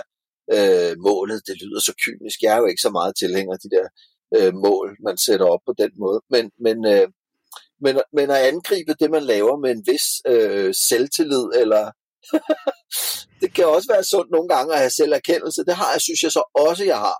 Ikke? Altså jeg er godt klar over, hvis jeg skiller en vaskemaskine ad, ikke? og lige pludselig så er der en skrue for meget, så er jeg jo ikke sådan en idiot, der bliver ved og tænker, det skal jeg kunne. Jeg, jeg ser nogle YouTube-videoer, jeg prøver mig lidt frem, ikke? og hvis man kan se, det her har jeg ikke evner for, så er jeg også meget hurtig til at sige, det her kan jeg ikke. Og der er jo masser af ting, jeg ikke kan. Men, men jeg synes, det der med at kaste ud og skrive en bog, øh, og så kan der være alle mulige skabeloner og ting, man ikke ved noget om, og det kan da godt være, at det havde været smart at læse en uh, how to write uh, bog først, eller snakke med nogle forfattere, men det kan jo også fuldstændig helt aldeles tage selvtilliden fra en. Så jeg tænker, det der med at stævne ud på ekspeditionen, og så undervejs ligesom øh, være villig til at justere ind og skrive om og, og, og være åben over for de fejl, man selv laver. Så en meget, meget stor portion selverkendelse parret med en stor mængde selvtillid, eller tillid til universet, kunne det også være. For det er ikke kun mig selv, jeg ligesom har tænkt på som min hovedressource, men også bare have, have tillid til, at verden er god, og øh, de ting, der sker, sker af en årsag. Og, øh, så hvis jeg får et kæmpe nederlag i Skanderborg øh, på scenen, så er det nok fordi, at jeg skal kigge lidt på, hvad skal jeg gøre bedre. Og så justerer man, arbejder, kigger, selvrensager og retter ind, og så prøver man igen dagen efter. Der er, der, der, er virkelig, der er virkelig mange kroge, vi kan gribe fat i her, men jeg tror, jeg vil prøve at, altså, det, det er super spændende, Anders, virkelig, øhm, og høre det der, altså, den der sikkerhed, som du snakker om der, kan du prøve at sætte et par ord på, fordi, fordi det jeg hørte dig sige lidt, det er lidt en feedback-kultur, der bygger lidt på, altså hvad du selv, altså du ved, hvad du synes er den rigtige vej at gå, men et eller andet sted også selvfølgelig netop at så ture og så agere i forhold til de, øh, til de input, du får. Kan du prøve ja. at et par ord på det? Ja, altså jeg har ikke været særlig åben over for feedback. Jeg har nogle få mennesker, jeg stoler på, ikke? Og, øh, og jeg, jeg har nogle gange fået sådan, sådan jo, jeg nogle gange efter et show, så er der kommet nogle, især i mine unge dage, havde sådan noget med, at jeg skulle sige, øh, jeg sagde hele tiden sådan nogle tegneserielyde, ikke? Ah, så, så sagde jeg til og så fik han lige det. Og du ved, der var mange, der synes det var lidt, altså det var sådan, man parodierede mig, når jeg ikke var der, ikke? Det var ham der, den unge lømmel med det store underlige hår, som sagde tegneserielyde og prøvede at være sådan lidt sej i betrækket. Øh, fordi jeg kom ud af den der hiphop-kultur, det var noget, man gjorde grin med dengang. Da, altså, det er jo mere almindeligt, at alle folk hører rap i dag. Ikke? Men dengang, der var de fleste af stand-up-komikerne stod nede på suge og lavede sådan noget. Jeg så en hiphopper forleden dag, der stod på Nørreport station, og så grinede alle de voksne øh, publikum. en ægte hiphopper. Og så kom jeg på scenen bagefter og stod, hey, fuck det, og trunde og øh, Så jeg kom med noget, der på det tidspunkt var måske en lille smule mere øh, Albertslund-agtigt i, i betrækket. Og der, der var der en del feedback med, det skal du droppe. Du skal droppe det der 18, det er ikke fedt. Og droppe de der lyde, og øh, du kan ikke lave hver en point. Det kan altså ikke være en, der bare får en losing. Det var Jakob Tinglef, der i al velmenighed og sikkert også havde ret i, at det kunne man jo ikke. Jeg kunne begynde at prøve at skrive nogle pointer, men på det tidspunkt afsluttede jeg hver sketch, jeg lavede øh, med sådan en, en flad. Ikke? Øh, og der blev jeg lidt trodsig øh, og tænkte, jeg skal vise dig, jeg kan lave. Og så lavede jeg, hvad snakker du om pladen, hvor nærmest hver eneste sketch bare var nogle børn, der fik bank. Ikke? Så, øh, men, men, så jo, feedback er, er der selvfølgelig meget af. Men øh, hvis jeg for eksempel skriver en film, så vil jeg nok bede nogen om at læse den, nogen jeg selv har tillid til. Altså, det gjorde jeg, da jeg lavede Sorte Kugler, så fik jeg tre forskellige folk til at læse den og lyttede til det, de sagde. Og sjov nok sagde de alle sammen det samme, så jeg var ret hurtigt indstillet på, okay, der er nok et problem i midten. Øh, når jeg lavede Ternet Ninja, så læner jeg mig meget op af Torbjørn, min medinstruktør. Han har utrolig god sans for det dramaturgiske, så når han siger, det bliver altså lidt træt her i begyndelsen, og første akt er lidt for langt. Jeg foreslår, at vi cutter de her fire minutter. Så efterhånden, så har jeg så meget tillid til Torbjørn, at jeg tænker, åh, det bliver blodet, men det gør vi så. Så gør vi det, som du siger. Og øh, det er jo også fordi min egen erfaring ligesom viser mig, jamen, øh, Stodderen har ret. Jeg kan jo trampe i jorden og være ked af, at jeg skal ofre en figur fra bogen, eller, åh nej, skal det der kapitel ryge ud? Men efterhånden har jeg jo set, at manden ved, hvad han snakker om. Han er dygtig, og han har ret. han har det overblik. Så skulle pokker da øh, ikke lytte til ham. Øh, så jeg er ikke sådan stedig på den måde. Jeg kan, jeg, jeg, og det er der selverkendelsen kommer ind. Ikke? Hvis man har en god kemi med folk, og det behøver altså ikke at være en ekspert eller noget. Det kan også være det kan i og for sig være GLS-budet, øh, hvis nu man er sådan en type, der drikker kaffe med sit GLS-bud, eller sit UPS-bud, eller hvad det nu er, ikke? Og hvis de har det rigtige blik i øjet, eller griner, når man siger et eller andet, som, som gør, giver en en tillid til, at, og, så, og så kunne jeg sådan set sagtens øh, finde på at rive et manuskript op af, af tasken og siger, vil du læse det her? Jeg vil faktisk gerne se, hvordan du reagerer på det. Det, det er et tænkt eksempel. Jeg har ikke lige nøjagtigt gjort det med min øh, øh GLS på, for de snakker ikke sådan rigtig dansk, de fleste af dem. Øh, men, men, øh, men jeg har haft en assistent ansat på et tidspunkt, som øh, var i fuld gang med at, at, at lave nogle indkøb og lave noget kurmad og lave nogle forskellige opgaver i hjemmet, hvor jeg ligesom øh, kunne mærke, at øh, det, var, det kunne være godt for mig nogle gange at bounce mine idéer på ham. Fordi hvis jeg hele tiden gør det op af min manager eller en anden komiker, så får jeg også alt det der, åh, hvem har lavet det før? Nå, det er nok lidt svært at lave. Du skal nok passe lidt på med det her. Jeg vil gerne have en uforbeholden øh, grin på det. Og der kan det nogle gange være godt at finde sådan en type, eller en ven, eller min mor, eller min far for den sags skyld, og så prøve tingene af på dem, bare for at se, hvordan er reaktionen, der kommer. Øh, og, og, og, og hele tiden, hvis man har selverkendelsen nok til at tolke den reaktion på den rigtige måde, ikke for voldsomt, man må ikke øh, skyde sig selv ned og sige, du fik ikke den reaktion, du havde drømt om, så du kan lige så godt lukke hele projektet ned. Nej, hvis man lige så stille kan navigere i folk, der siger, åh, han blev lidt stødt, det er nok, øh, det er nok ham, der har problemet her, vi går videre til højre. Åh, nej, nu er der tre, der siger stop der, så går vi lidt til venstre. Så at øh, man, man, skal være, man skal være åben, og man skal være ærlig. Man må ikke være for forsigtig, og man må heller ikke være, være for cocky. Så det er et eller andet med virkelig at holde øje med virkeligheden og se den, som den er. så kan man virkelig bruge den øh, til at navigere efter, synes jeg. Ja. Jeg synes, det er, det, det, det er en enormt interessant vej at gå ud af, Anders, fordi at, at noget af det, som jeg virkelig sådan, altså, som jeg er ret optaget af, det er det der med, hvad er det, der skaber, øh, at du ved, at man er bæredygtig på sigt, hvis man kan sige, altså ikke bæredygtighed i et, du ved, men hvad er det egentlig, der gør forskellen på, at der er jo masser af komikere, der har været startet det samme sted som dig, der ikke er kommet lige så langt, og jeg sådan har prøvet lidt at, at komme rundt om det, altså man kan sige langt i den forstand, at du har som vi har snakket om tidligere, været i gamet i rigtig mange år, og du ved, du trækker fulde hus, og du laver et 25 års jubilæumsshow og så videre, ikke? Altså sådan, øh, på komikscenen, øh, jeg vil ikke sige sådan, øh, Grand Old Man er, er meget at sige, men øh, du ved, et eller andet sted, ja, ikke? Altså, jo, jo. Øh, jo, men der, der er jo både det i det, at jeg sikkert også har, altså øh, selvfølgelig har der også været kolleger, øh, for det første er der jo mange kolleger, der er nået rigtig langt, for det første. Så er der også nogen, der ikke er nået så langt, men måske heller ikke havde ambitioner om at nå så langt, som gerne vil have gratis fadølbilletter og gerne vil have nogle hyggelige ture i Jylland, men i øvrigt havde mere lyst til at passe deres egen virksomhed eller deres uddannelse eller lignende. Så det er bestemt ikke alle, der ligesom mig har haft en indæt fuldstændig besættelse af at blive rockstjerne som jeg har haft, siden jeg var ganske ung. Og det er klart, det drive, det, det har jeg jo prøvet at forfølge de der 28 år, hvor jeg har lavet stand Også i de perioder, hvor det er gået af helvede til. Så, øh, og jeg siger ikke dermed, at det er nok benzin, og alle så kan gøre det, men altså, øh, jeg tror, der er mange, der også har trukket sig, fordi de tænkte, det er bare noget, jeg lige skal prøve det her. Øh, øh, og så synes jeg heller ikke i øvrigt, det handler om, hvor langt man når. Det handler om, om processen er god skid hul i resultaterne. Det handler om, om det er fedt at være. Jeg har, jeg har nydt den der kamp øh, mod mig selv, og også lidt mod de andre måske, ikke? men jeg har nydt det der med at tænke, åh, hvad kan jeg nu? Øh, nu skal jeg lave sådan en show, og nu kan jeg gøre det endnu sværere for mig selv. Skal jeg prøve at danse en dans i showet, eller skal jeg, kan vi købe noget fyrværkeri? Ikke? Altså, jeg har været helt vild med at sidde derhjemme om, om aftenen i mørket og tænke, nej, nu skal de have det her, nu skal de have det her. Ikke?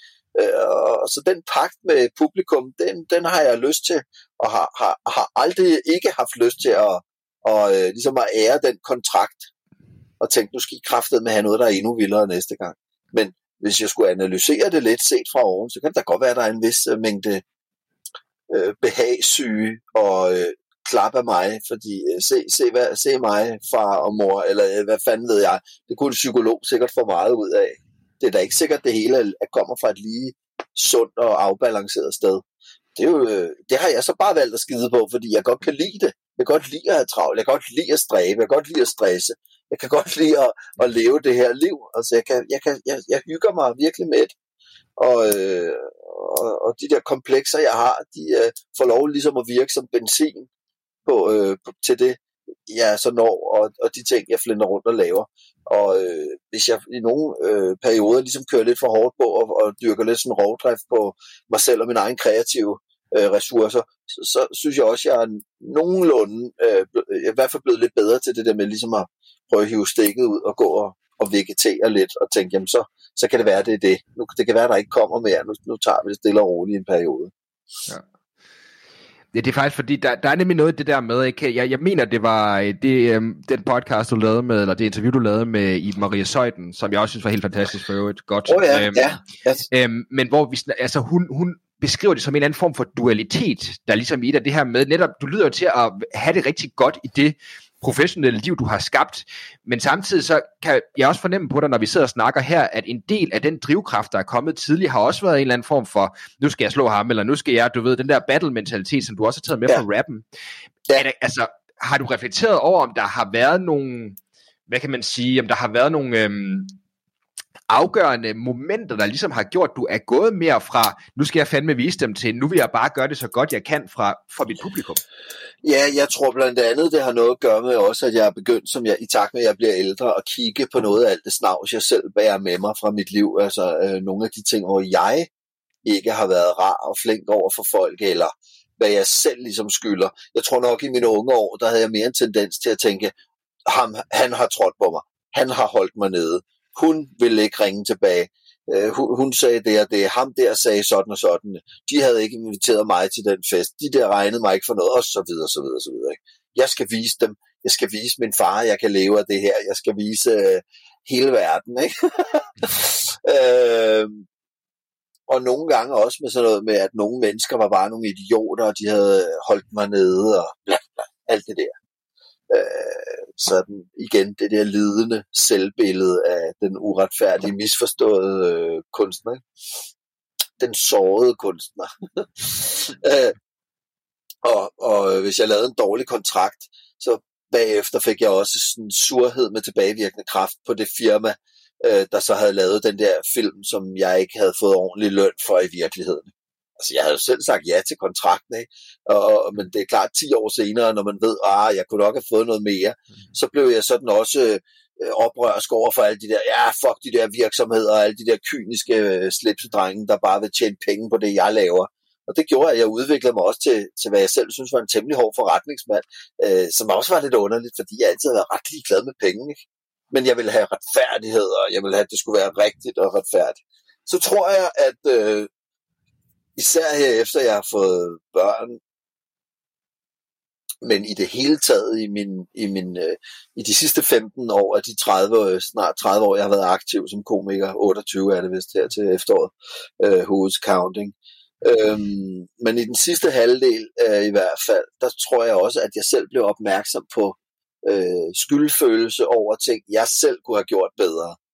I venskaber, i relationer til, øh, til øh, kærester, jeg synes, jeg havde behandlet dårligt.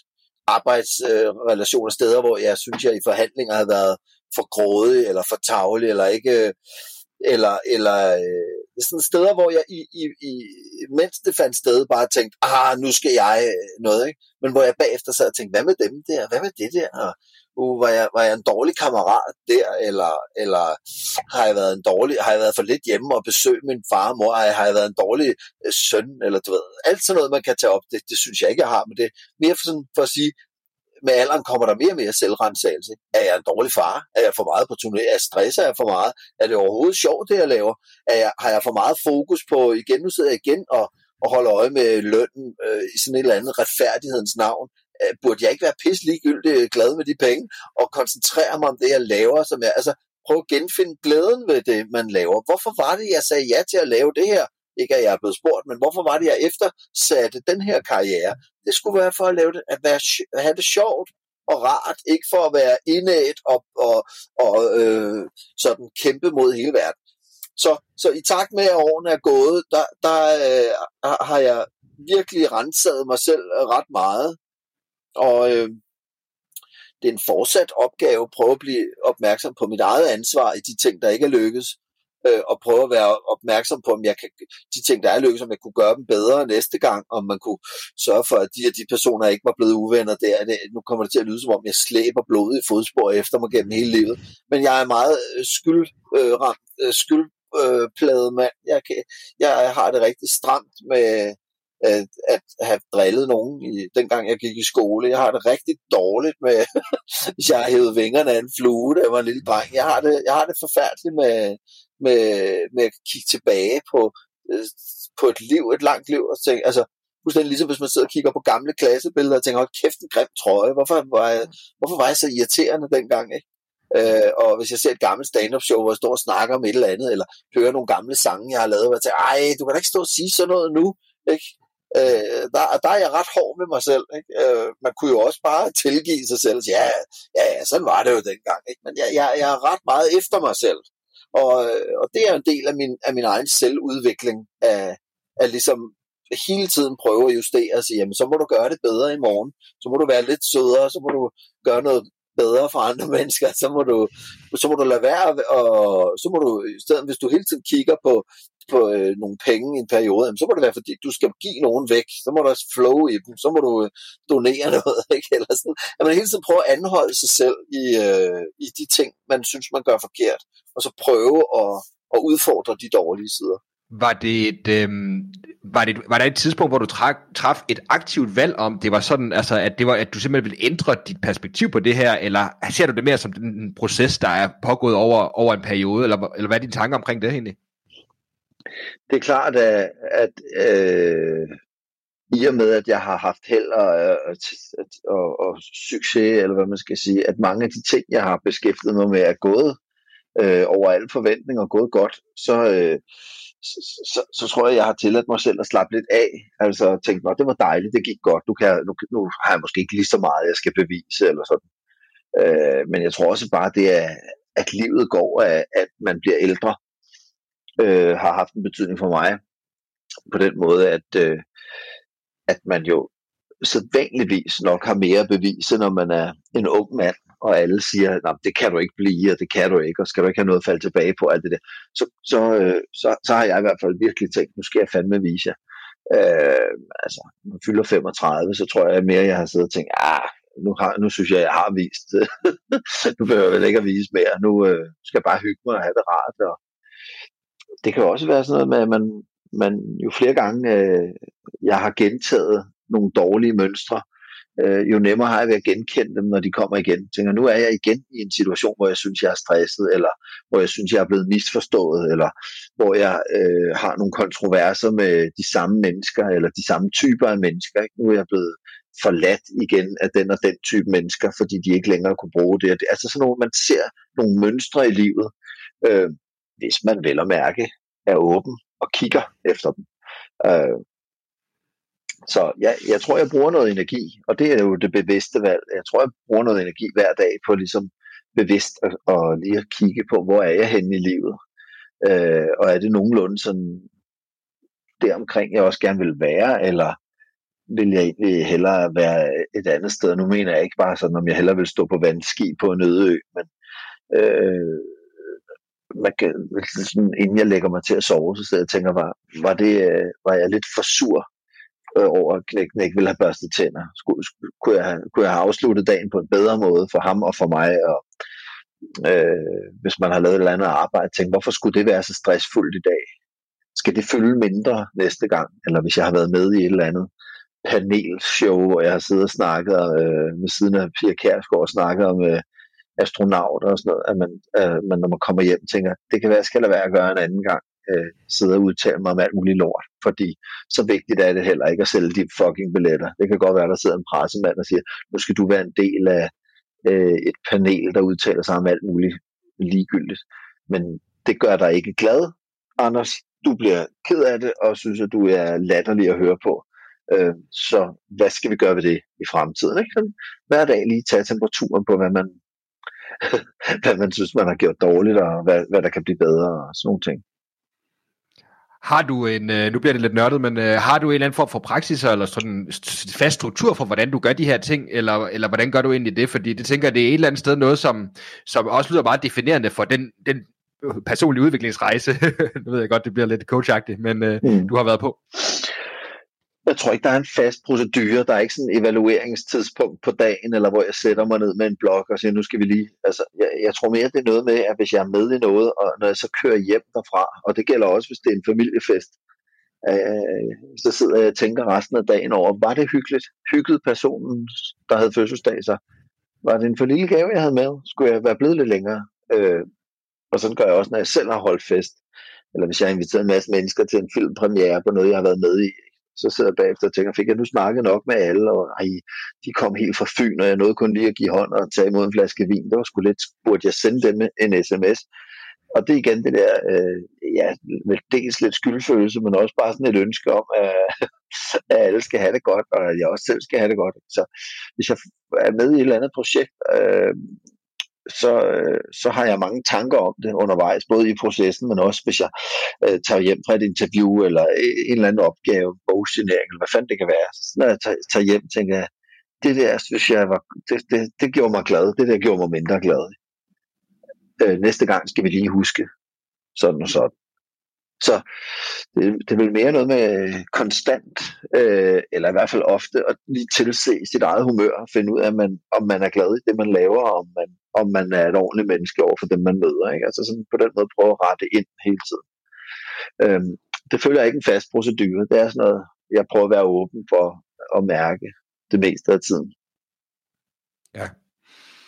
Det er, det er, jeg kan se, at tiden den flyver afsted jo, og der er jo simpelthen så mange ting, jeg gerne vil spørge dig om. Så Anders, men øh, ja. jeg, øh, jeg tænker i hvert fald en ting, som jeg synes, der kunne være ret interessant at få dit perspektiv på. Nu snakker, har vi snakket lidt om Ternet Ninja øh, ja. to tidligere. Øh, først og fremmest, nu ved jeg også godt, du kan lige høre fra folk, der ser den, og få lidt feedback. Jeg vil bare sige, at det er en fantastisk god film. Øh, Dejligt det var en, der, der både rørte min hustru og jeg på, på mange måder, øh, og selvfølgelig også med en masse grin. Og det er jo i sidste ende det, som, øh, som det kan, øh, det, det du laver også. Så, så stor respekt for den. Ja, Tusind tak. tak. Jo, tak. Det, det er dejligt noget af det, som jeg sådan har reflekteret lidt over øh, i forhold til research her, øh, noget jeg har hørt dig sådan snakke lidt om, og det synes jeg faktisk var meget spændende, det er, jeg ved, alle vil gerne sådan lære Anders Mattesens kreative proces, øh, du ved, øh, fordi du er så skide dygtig til det der, ikke? og det kan man ikke bare lære, altså, men du ved, ja, og nu, nu, nu må du lige rette mig, hvis jeg har forstået det forkert, men det er fordi, det her med at så, du ved, blive dygtig komiker, og blive dygtig til at lave kreative ting,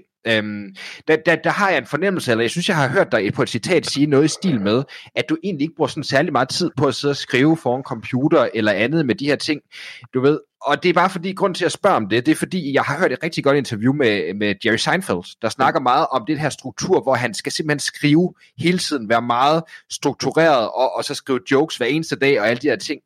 Hvad, øh, kan du prøve at sætte et par ord på det? Altså sådan den her del af kreativitet for dig. Ja. Hvad, hvad, har, hvad har det været? Ja, altså når vi snakker jokes, så foregår det på den måde, at jeg øh, i, i starten af min karriere, der var det meget almindeligt at jamme med andre komikere. Det, det, øh, det gør jeg da også stadigvæk en, en gang eller to om året. Men nu er det lige så meget en måde, at man kan mødes og få en kop kaffe, og så have et eller andet formål. Så man lige hører, hvad har vi, hvad har vi lavet hver især, om skal vi prøve at skrive lidt, øh, og så finder man nogle emner til, til sig selv eller til hinanden, hvad, hvad man nu synes, og, og skriver, og så bagefter så puncher man på, så byder man ind på det, den anden har skrevet, og ser, om man kan spifte lidt op. Og det er altid super hyggeligt. Det er jo sådan, ligesom hvis musikere mødes og jammer, det er sådan, det er en dejlig måde at være sammen på, hvis man, har, hvis man møder en, det er ikke alle komikere, øh, der passer lige godt sammen. Hvis man møder en person, hvor knisterne ligesom springer, så, så kan det også være en rigtig munter måde at være sammen på. Øh, Øh, men, men, men det var mest i starten, det foregik sådan. Altså, min proces øh, er vel faktisk det, at jeg, øh, når jeg støder på et eller andet, jeg synes er meget sjovt, eller et emne, jeg synes er vigtigt, gerne vil tale om, så øh, taler jeg det lige ind på min diktafon i, i øh, iPhone der.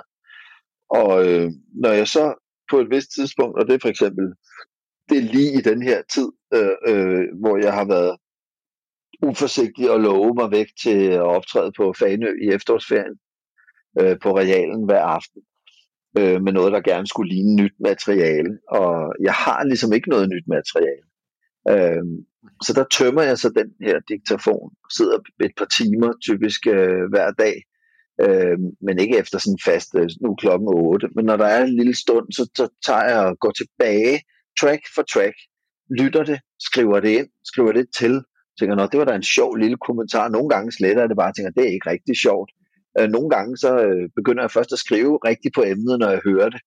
Øh, og så skriver jeg, og, og langsomt så får jeg opbygget et gigantisk Word-dokument, hvor tingene så efterhånden kan begynde at kategoriseres lidt. Når det her handler om mad, når det her handler om politisk korrekthed, og der er sådan nogle omkvæd, så prøver jeg at samle det lidt. Og når jeg så kommer over til Fanø, så bruger jeg en hel dag eller to dage måske, inden jeg skal optræde på at, at øh, lægge det på plads i mit hoved, som øh, efter en memoteknik, som gør, at jeg kan huske måske 50-60 forskellige punkter, øh, sådan så jeg ikke skal stå og bladre i noter op på scenen, men selvom jeg kommer med fuldstændig uafprøvet og helt jomfrueligt materiale, øh, hvor noget af det måske ikke engang er rigtig sjovt, så, øh, så står jeg derop og kan bladre i det inde i hovedet og sige, Nå, så tager jeg den med IKEA nu, og så tager jeg nummer 4, der er tyggegummi på den plads, okay, så tager vi om tyggegummi. Og, og, så, og så, så får det en vis autoritet, når jeg prøver af. Normalt så, øh, mange af mine kolleger, og også mig selv i gamle dage, der prøvede man 5 minutter af ad gangen, man tog 20 minutters øh, materiale, man vidste det fungerede godt, og så sne man lige 5 minutter ind i slutningen, og så hvis det gav grin og klap, så lukkede man af på noget velkendt, og så havde man ligesom tænkt, ej, der var fem nye minutter. Øh, jeg går altså på scenen med halvanden, en time til halvandens øh, nyt materiale, og så tager jeg altså noter, jeg filmer det også, og går hjem bagefter og ser det, og tænker, det her er sjovt, det her er ikke sjovt. Skriver det om til næste dag, og allerede næste dag er showet, hvis man må være så kynisk og være sådan en procenttype, øh, så er det måske 30% bedre end næste dag øh, på materialefronten, men hvor det måske havde en igen det der begynder sind, det har noget fortællerglæde og noget den første dag, der gør, at alt muligt kan lade sig gøre. Øh, hvis man prøver at gøre det igen anden dag, så kan, så kan nogle gange så kan det vise sig, at jokesene ikke længere kan flyve, fordi man ikke selv sender dem afsted, som var det første gang. Og der begynder der at blot sådan nogle sprækker i materialet, man tænker, det her er ikke stærkt nok, det her er simpelthen ikke sjovt nok. Noget af det står jeg med en hel uge, før jeg til sidst tænker, ah, nu gider jeg ikke, det her gider jeg simpelthen ikke snakke om, ud med det. Og øh, ellers så ser jeg videoen, når jeg kommer hjem om aftenen, skriver nyt til, og øh, langsomt så tager showet sådan øh, form. Og når jeg så forlader Fanø efter en uge, så har jeg noget, der ligner en times øh, materiale, som er nogenlunde skarpt, i hvert fald skarpt nok til, at jeg godt kan begynde så småt at sige ja til det, vi kalder firmajobs, hvis nogen ringer og vil have mig ud til en julefrokost, hvor jeg skal lave 30 øh, helst ret skarpe minutter, så kan jeg sådan ud af den der time, der fungerer, plukke de bedste ting og, øh, og få det til at blive til en halv time. Og så optræder jeg, øh, og det gør jeg, det er jo mange år siden, jeg har været sådan en levebrødskomiker, så jeg tager jo heller ikke rundt og laver foreningsjob i den udstrækning, jeg kunne gøre det. Det er noget, jeg gør for at øve mig, og hvis folk spørger pænt, og hvis det lige passer med den rette dato, og hvis, vi jo, hvis jeg har lyst til at optræde, så tager jeg måske, jeg laver måske maks 10 af sådan nogle shows om året. Fordi ellers så bruges al den kreative kraft på at finde på nye ting. Og det er jo også en del af den aftale, jeg har med mig selv, at det her har jeg valgt, fordi jeg ikke vil arbejde, fordi jeg vil noget andet. Så det skal være sjovt hver dag, det skal være skægt, og der skal være tid til at kunne mødes til brunch med de andre komikere. Der skal være tid til at passe godt på mig selv og lave nogle ting, der gør mig glad. Så jeg skal ikke styrte rundt i Jylland og lave syv øh, forskellige firmajobs på en aften, øh, og med en jakkesæt, der hænger på bagsædet i bilen, og et tandpastasmil, jeg lige kan klikke på. Ikke tale om. Øh, det, jeg laver, er ikke til salg på den måde, og skal ikke bruges til sådan noget merkantil pest. Så jeg laver firmajobs for at prøve mine ting af, og når jeg synes, de er ved at sidde, så plejer vi typisk at annoncere, at nu laver vi et nyt one-man-show. Øh, og der, der plejer det også ligesom at vise sig nogle overskrifter i materialet, nogle, nogle omkvæd, eller hvad man kan kalde det, at hvor jeg begynder at tænke, at det handler altså om det her i år. Og så, øh, så, bliver, så skriver jeg mere til i, i, inden for de emner, sådan, så showet får mere en, en form øh, og en rød tråd på en eller anden måde. Det er super spændende, Anders. Så det er faktisk altså, noget af det, som, som jeg også blevet lidt mærke i, som jeg synes er ret ekstraordinært i forhold til sådan, du har jo snakket lidt om de her ting før, og det lyder meget til, at øh, også er fordi, at øh, din manager og, og dig, I har et rigtig godt kreativt samspil omkring det her, øh, hvis jeg i hvert fald forstår det korrekt, det her med, at du ikke så meget ser, du ved, en helhed af et show. Du sidder bare, det der element kunne jeg godt tænke mig, det der element kunne jeg godt tænke mig. Du ved, for eksempel ligesom med lastbilen, eller, eller nogle af de ting, der var. Kan du prøve at sætte et par ord på, hvordan det der er med, altså fordi for de fleste kunne man forestille sig, at det måske var en anden vej rundt, man tænkte, jeg vil gerne sige det her, så er det her et understøttende virkemiddel. Jeg ved ikke, om det spørgsmål giver mening, men... Jo, jo, jo, fuldt ud, og det er jo det, det, var det vi meget hurtigt fandt ud af, at min manager også har, ligesom har slået sin folder i, i øh, i reklamebranchen, hvor, hvor hun skulle ligesom være bindeled mellem det kreative og, og, øh, og pengemenneskerne og firmaerne. Øh, så, så hun mestrer begge dele, både forretninger, øh, forretningsdelen, som hun er rigtig dygtig til, men faktisk også det kreative. Og øh, er, er jo nok vant til, at man arbejder med det her, det skal vi have øh, fortalt. Ikke? Det her budskab skal kommunikeres ud. Den her vare skal sælges de her billetter skal sælges. Så hun er meget sådan, det skal, så skal man gå, gå ud på Instagram klokken det og det og lave det, og det må ikke være længere end de og de sekunder. Og sådan, noget. og sådan gør jeg aldrig. For mig der er det meget mere sådan noget, jeg tænder for, nu laver jeg en video og lægger ud på Instagram, og hvis den er sjov, så laver jeg en i morgen, der minder lidt om den. Jeg finder vej på vejen. Og derfor kan det nogle gange være en meget stor udfordring for os at arbejde sammen. Ikke? Hvis vi siger, skal vi lave et nyt show, og jeg så sidder og siger, øh, det er fedt med kunstgræs på hele scenen, så kommer jeg ind på en græsplæne, og hun siger, Hvor, hvorfor skal det handle om have? Så siger, ja, altså hvis du synes, hvis, det kan vi godt. Men jeg tænker mere på det der græs der, om det ikke kunne være fedt. Ikke? Øh, og det, det, det er jo en, en anden måde, jeg arbejder på. Jeg finder en titel, og jeg finder en plakat, og jeg finder en idé, og så kan alt materialet komme til sidst. Men jeg, jeg kan ligesom... Øh, jeg tror, det er lidt ligesom, hvis jeg skriver sange, ikke? at der er nogen, der, øh, der ligesom ved, at man vil lave en sang om det ene eller det andet. Ikke? Men der hører jeg mere en linje. Jeg hører en linje inde i hovedet og finder en melodi til den, og tænker, nå, jamen så, hvad fanden skal sangen handle om, for at den linje kan give mening? Ikke? Øh, og det er, det er jo sådan lidt omvendt måde at, at arbejde på. Men vi arbejder godt sammen, og hun, hun er rigtig god til, øh, hvis jeg ikke er hjemme, så kommer der lige en sms, hvor der står, husk at skrive, om, øh, husk, skriv noget om svampebob. Og så skriver hun måske lige nogle eksempler på øh, sjovt, at man tænker sådan og sådan. Ikke? Og så som hun plejer at sige, ja, ja, jeg er jo ikke sjov. Du, du skal jo lave det sjovt. Ikke? Men hun er jo rigtig god til at finde øh, betragtninger og øh, idéer til, til ting, og jeg, hun læser selvfølgelig også det, jeg har skrevet. Hun hjælper mig også nogle gange i de her perioder, hvor vi prøver at sætte alt fra diktafonen, ligesom sætte det på print og få noget mere på det. Der, der er hun rigtig god til at hjælpe mig i det der sorteringsarbejde og skrive til og jamme med. Øh, så, så det er en rigtig god øh, kreativ sparringspartner også, udover at hun er forrygende på, på den der øh, business-del. Ja. Det er måske et meget godt overlæg, tænker jeg, til måske en af de sådan, sidste spørgsmål, vi rigtig når, Anders, inden, okay. uh, inden vi er nødt til at kalde den her. Okay. Uh, det, det, ej, det, det, lyder så, det, det kommer til at lyde så, uh, du ved, uh, bum-agtigt. Men uh, ja, ja. Pointen, point, pointen er, hvad kan man sige, noget af det, som jeg faktisk reflekterede lidt over, uh, der er jo en uh, rigtig, rigtig fed, uh, den, den dokumentar, der er lavet om dig, altså, uh, ligger inde på TV2 Play, uh, og du må undskylde, jeg kan ikke helt præcis huske, hvad den hedder, men er den det hedder... Anders' eller noget? Den anden side, eller er det den? Ja, Ja, ja lige præcis. Ja. Lige præcis. Yes. Og der slog det mig faktisk meget, det der, da jeg sad og så den, og så det her med, altså fordi et eller andet sted, der er jo mega mange mennesker omkring hele det setup, du lavede der, øh, inde på Falconer. Altså, hvor meget ser du oh. egentlig i høj, altså, i hvor høj grad ser du egentlig din egen, kan man sige, karriere, og der, hvor du er nu, som værende, du ved, en team effort, øh, som vi snakker om her måske, eller mere sådan, du ved, du har orkestreret noget, som så er blevet til det her, altså det, de her virkelig øh, fantastiske shows, som du har lavet? Øh, jamen, der kan være perioder, hvor der er et hold involveret, ikke? Og det er jo, altså, jeg er jo ikke idiot. Jeg er jo meget taknemmelig over alle de mennesker, som øh, hjælper til, og som også er betalt og hyret til at hjælpe. kommer det til at lyde som om, de hjælper, fordi de synes, jeg er en flink fyr men man, øh, det, det synes de forhåbentlig også. Men man stiller jo et hold, ikke? når vi skal lave Ternet Ninja, så er vi et kæmpe hold af animatorer og alt muligt, og der skal jeg jo på en eller anden måde finde min, øh, øh, mit bidrag i, hvad er det, jeg kan komme med, og så skal de andre have lov at, at lave det, de er gode til, uden at jeg blander mig alt for meget lige i det. Og øh, det samme, hvis jeg skal lave one-man-show, så er det vigtigt, at lydmanden ligesom øh, får lov at jeg skal, jeg, jeg skal jo ligesom blive på scenen, og så skal jeg komme med mine ønsker og sige, det her kunne være fedt. Men øh, det er svært for mig ikke at styre det ud over alle bredderne og løbe rundt og sige, skal jeg ikke lige male den der? Kan vi ikke, øh, kan vi ikke gøre sådan og sådan? Ikke? Og hvis jeg er med i en film, så jeg kan kaste mig på en bestemt måde, ikke? og der kan man mærke, at folk siger, nej, nej, nej, nej, nej, der kommer en stuntman, der, der skal vise, hvordan du skal kaste dig ned på jorden. Det skal gå rigtigt til. Ikke? Folk har jo deres områder. Der, jeg, er ikke, jeg er ikke bange for at tage fat på nogle felter. Jeg er heller ikke bange for at lave kaffe eller rykke nogle stole, hvis det, hvis det skal til. Øh, men men øh, det kan også det kan nogle gange blive lidt farligt at bevæge sig for langt ude for sit eget felt.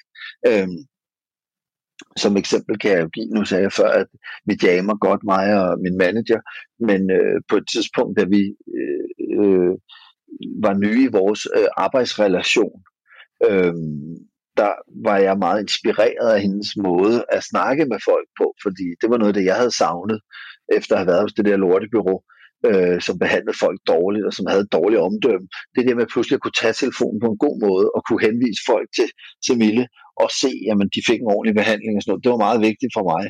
Øhm, og der kunne jeg nogle gange blive meget inspireret af at lytte, når hun forhandlede med nogen også og også blive optaget af selve det game, af det fag. Så det begyndte at blive sådan noget, vi snakkede om også.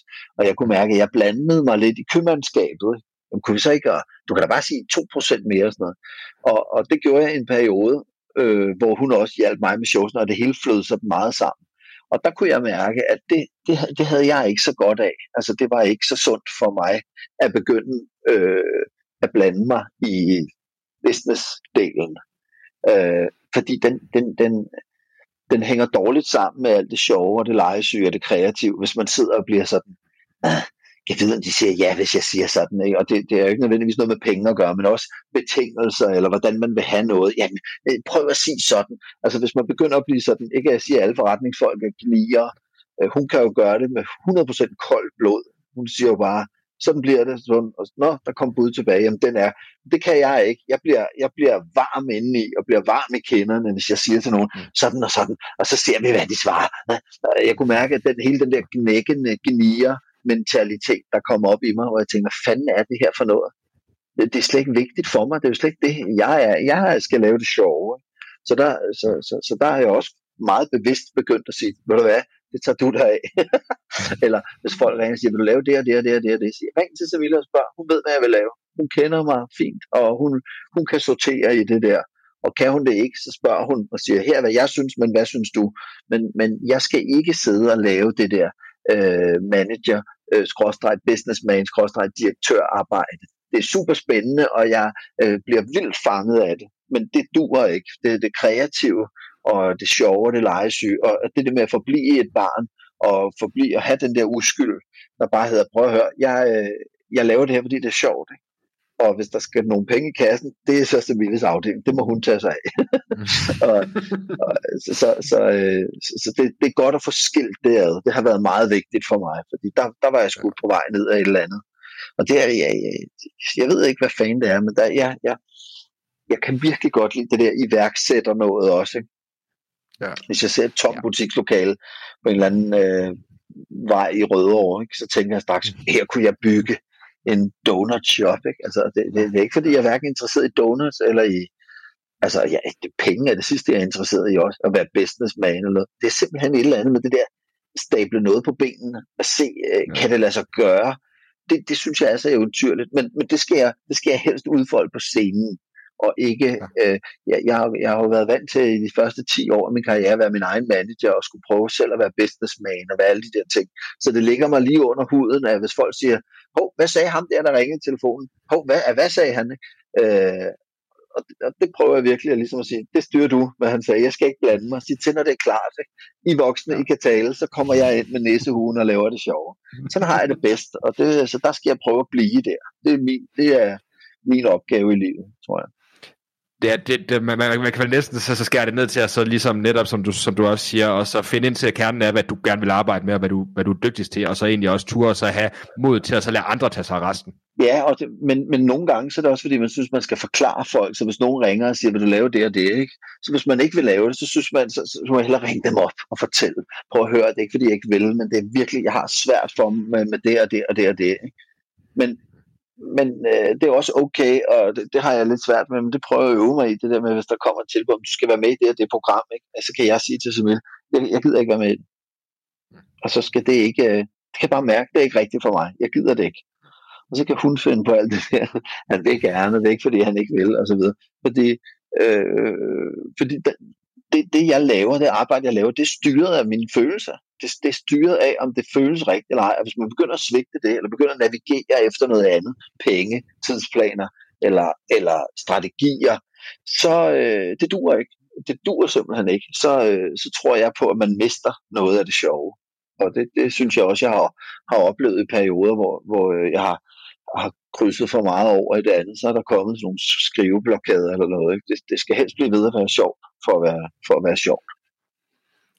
Kan, kan, kan man egentlig godt sige, altså det kunne måske være meget rammesættende for den her rigtig gode snak, vi har haft, Anders, kan man godt sige, det er den der øh, lyst til at, altså det vil sige, det er egentlig den arbejdsglæde, uden det skal lyde sådan helt kliché, men at det næsten er det der, du ved, du har glæden i det, du laver, at der er sådan din nordstjerne, der er det der ligesom er det, du navigerer efter ja. i dit professionelle liv. Helt klart, fordi jeg får jo også nogle vaner, ikke? jeg tænker også, nu er det vel på tide at lave et one-man-show, fordi jeg skal vel sørge for at vise alle de andre komikere, jeg er her endnu, og det er vel også på tide, for nu har jeg lavet tv, og nu har jeg lavet radio, og nu har jeg lavet film, så skulle jeg ikke lave mig et one-man-show. Og så er det hele tiden tilbage til, har du lyst til at lave et one-man-show? Hvad har du lyst til at lave? Og hvis det bliver ved at være musikken, der lokker, jeg vil ned i min kælder og sidde og hakke løs på en sampler, så skal jeg jo, der er kun én, der kan mærke det. Og der skal jeg jo finde den balance, der hedder, øh, øh, jeg behøver ikke at udleve sådan en total øh, kunstner, der bare hele tiden kun gør, hvad jeg selv har lyst til. Men det kan ikke nytte noget, at jeg går et halvt år og er ked af det eller stresset, fordi jeg har sagt ja til noget, som, som jeg egentlig ikke helt var klar til. Jeg, jeg skal sørge for, at det bliver ved at være morsomt, fordi ellers så har, jeg jo ingen, så har jeg jo ikke noget bidrag med, så har jeg jo ikke noget højt humør at dele ud og lægge ned i de sangtekster, eller i det stand-up, eller hvad fanden det er. Det må ikke laves med, med venstre hånd, så skal det bare ikke laves. Og, og derfor er der taget de der beslutninger med ikke at arbejde for pengenes skyld nogensinde, og ikke at nogensinde at lave noget, med mindre man kan svare på, hvorfor gør du det? Ikke? Fordi de fleste, øh, i de første mange år gik jeg og spurgte mig selv, hvorfor ikke? Hvis folk sagde, kan du det og det, kan du være med i det og det? Ja, men hvorfor ikke? Øh, og, og det var med det Lisby, der sagde til mig, du skal begynde at spørge dig selv, hvorfor, i stedet for. Ja. Hvor jeg sagde, det har hun fandme ret i. Hvorfor? Hvorfor vil jeg det? Hvorfor vil, jeg, hvorfor vil jeg gøre det? Hvorfor vil jeg lave et nyt show? Hvorfor er det vigtigt? Og hvorfor vil jeg lave musik? Og hvad er det, jeg vil bevise med det? Eller hvorfor, øh, hvad gør mig glad i dag? Hvad har jeg lyst til at lave? Øh, for det, det tror jeg på smitter af på, på, øh, på de folk, der skal tage imod det. Og, og det er jo præcis sådan som vores øh, bogen her, Livsstil er en livsstil, som vi startede øh, podcasten her med, at, øh, at netop et spontant øjeblik er bare underholde sig selv og tænke, hold kæft, hvor er det her fedt at skrive på. Det sender jeg lige til forladet, lige at høre, om de er med. Ikke? Mm. Og, øh, og det er da en af de tidspunkter, hvor Mille for eksempel har, har læst lidt i starten, og så simpelthen klappet, nu skulle jeg til at sige klappet bogen sammen, det var ikke en bog på det tidspunkt, men bare et dokument, ikke? og ligesom sagt, jeg jeg ved ikke, hvad det er, du vil med det her. Det kan jeg simpelthen ikke, øh, det kan jeg simpelthen ikke være med på.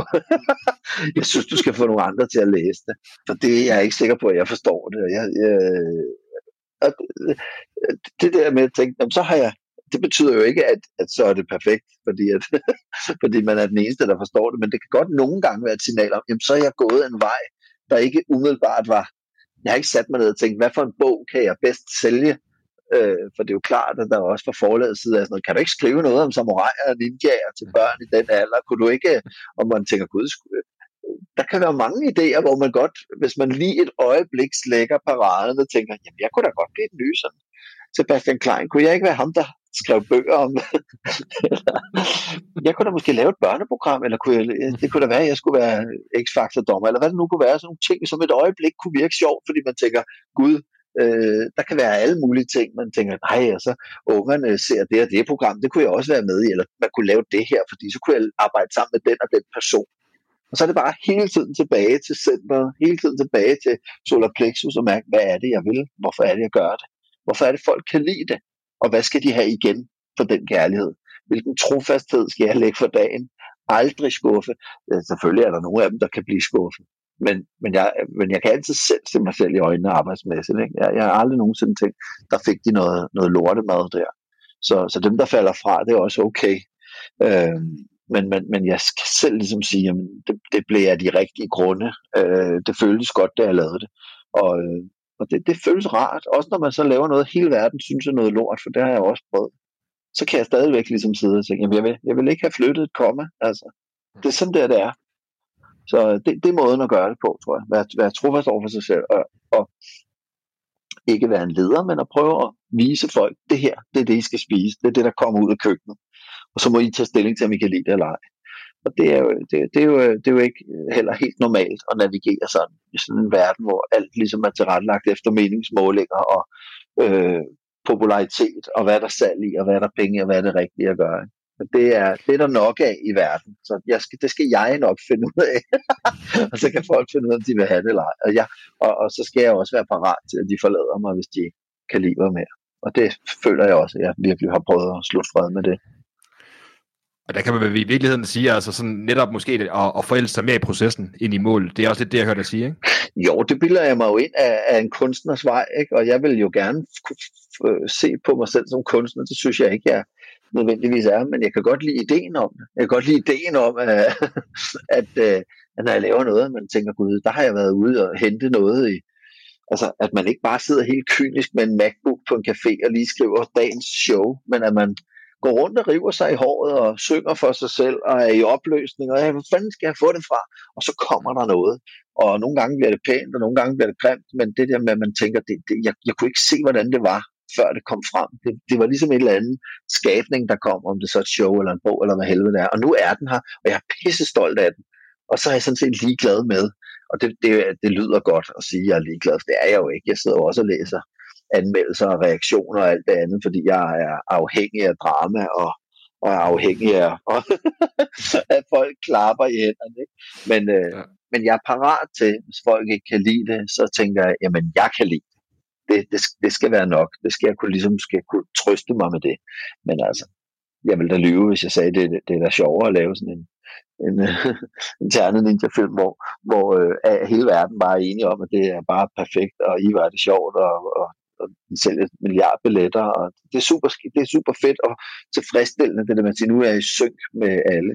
Men her kunne man jo så skynde sig at lave et show, hvor man tænker, hvordan kan jeg så lave one-man-show, der hedder Ternet Anders, eller øh, mm. kunne jeg skynde mig altså lave en træer for, for kun at holde den gryde i kog. Ikke? Altså nogle af alle de der sådan, greb, man kunne forestille sig, for at smide på den popularitet. Eller næste gang jeg laver noget, kunne jeg så se, om jeg også kunne få ungerne med, for så vil der være en større Altså alt det der pis, det skal bare ud, ud, ud. Ikke? Og så skal man ligesom sige, hvad kunne jeg tænke mig at lave i dag? Og, og så blive på den legeplads. Det er, det er opgaven simpelthen. Ja. Mm. Anders, øh, nu er skyggerne for alvor ved at blive lange. Øh, jeg plejer altid gerne at slutte den her podcast af med en, øh, tre hurtige spørgsmål. Vi kalder det ja. runden. Så jeg, jeg ved ikke, om jeg, kan hurtigt svar. Jeg, jeg har lidt en udfordring med at svare hurtigt. Det kommer så af, at... Nej, jeg, skal nok, jeg, jeg prøver. Jeg prøver. Det, øh, de plejer at være sådan relativt øh, hurtigt, men lad os se på det, Anders. Ja. Øhm, det første er, har du en specifik bog, øh, du har anbefalet meget til andre, eller måske ligefrem givet i gave? Og du må selvfølgelig ikke sige livsstil er en livsstil, det skal jeg nok sige for dig. øh, ja, jeg, var, jeg var meget vild med den der øh, Sapiens. Øh, ja, som er, er nu står det op, hvad hedder han, Yuval Noah Harari. Han har lavet Sapiens, han har lavet Homo, øh, hvad hedder den, Homo Deus, og et noget med nogle tanker om det 21. århundrede. De tre bøger har jeg, har jeg været rigtig glad for, øh, og, og har anbefalet til mange, og også øh, foræret til nogen. Og så en, der hedder Fred af Vejen af Chetna som jeg også har været, har været sådan en, jeg har givet til folk, som har haft noget at slås med, fordi jeg synes, den har hjulpet mig selv sådan i svære situationer. Det kunne være to. Men jeg er en kæmpe læsehest. Jeg, jeg anbefaler gladeligt. Noget af det bedste, jeg har læst i år, det, det var da, hvad hedder det, øh, Øst for Paradis, øh, som er en, en klassiker. Hvad hedder han? Er det Steinbeck? John Steinbeck. Ja, er det ikke John Steinbeck, er det ikke det? Jo, jeg læste Vredens Druer, og så bagefter den der Øst for Paradis. Dejlig, dejlig, dejlig læsning. Det kan, dem kan jeg varmt anbefale begge to. Ja, der var jo hele, der var jo hele fire, fire stykker, Anders. Jeg, vil, jeg vil ikke have det kort. Totte bager. Next. Stærkt. Øh, hvad er det, hvis vi bare tager Homo Deus eller, eller Sapiens for skyld, kan du bare lige sætte øh, et par ekstra ord på, hvad er det, der gør dem så ekstraordinært gode? det er spændende at høre om, om menneskets udvikling. Jeg er meget interesseret i evolution og i øh, øh, øh, egentlig underligt nok øh, har jeg lidt svært ved historie. Altså med alt det der med krige og kejser, altså, det har jeg ikke så godt styr på, men sådan de der forskellige øh, epoker, øh, vi er gået igennem, har jeg ret godt styr på, og jernalder, stenalder og istider og sådan nogle ting. Det synes jeg er rigtig spændende, og jeg er sikker på, at jeg også ville synes, at historien var spændende, hvis jeg fandt den rette øh, indgangsvinkel. Men jeg har altså øh, jeg har meget øh, optur over at læse om, den, om de der øh, revolutioner, øh, der er sket for mennesket, altså den kognitive revolution og landbrugsrevolution og hvad hedder det, den industrielle revolution, altså de der øh, skældsættende opdagelser eller, eller omlægninger af samfundet, som har betydet også noget for de fiktioner, vi ligesom øh, køber ind i, altså øh, monoteisme og naturreligioner og sådan øh, vores pengesystem og kredit, og alle de der, de der ting, som er spændende, øh, hvor det stammer fra, ikke? Øh, det synes jeg, det, det, det, det, det breder han godt ud. Han er pædagogisk, men også skarp dude. Jeg synes, det er spændende. Faktisk et uh, fun fact, hvis vi lige skal have den på falderæbet. Uh, han, udgav, han selv udgav den jo først, uh, apropos feedback, uh, og Aha. solgte de under, under 100 eksemplar uh, af den. Nå. Og det var først, da hans kæreste uh, fik det til en uh, forlægger, uh, at de kiggede på det. Der er så meget potentiale det her, og det fik den her kæmpe succes med bogen, som, uh, som den jo har fået. Det var så, men, uh, Ja, det er ret imponerende, ikke? At man jo. kan selv udgive noget, og så er der så få mennesker, og så skal du lige have, have tweaked lidt på det, og så er der bare gang i den, ikke? Det er for vildt. Ja, det, det var da en utrolig historie. Nå. Det er det virkelig. Um, Anders, uh, uden det skal blive for filosofisk, så uh, det næste sidste spørgsmål, jeg har her i, uh, i podcasten, det er mm. det her mhm. med, hvis du nu havde mulighed for at sende en sms-besked til alle mennesker i hele verden, hvad skulle der så stå i den sms-besked, og hvorfor? Sluk telefonen. der, er ja, der, er ikke, der er ikke noget svar her. Find det ind i dig selv. ja. Ej, det er ikke. Det vil nok være sådan et nødråb af en eller anden art, ikke? Hvis, jeg, man kunne ramme alle på en gang. Så lad være at flyve. Noget plastik, øh, plastik skal smides ud. Nej, jeg ved ikke. Øh, jeg har ikke, jeg bilder mig ikke ind, at jeg har Ja, jo, altså bortset fra alle de sandheder, jeg siger i, i uh, livsstil er en livsstil. Men ellers så bilder jeg mig sådan set ikke ind at have noget, at have noget på programmet. Jeg vil nok sende en joke. nok, nok, nok, nok. Og så når, når der var en milliard mennesker, der skrev husen der, så ville jeg ikke kunne svare, for jeg måtte jo kun sende en sms. Det kunne også være meget sjovt. En halv nok nok joke. Det, det, det, den, den tanke kan jeg godt lide. Ja, ikke? Ja. Ja, det må man sige. Uh, Anders, det sidste, uh, det, det falder lidt i samme genre, men ja. uh, alligevel ikke helt det samme. Uh, hvad er det bedste råd, du nogensinde har modtaget? Det kan være personligt, privat, uh, professionelt, whatever comes to mind. Mm.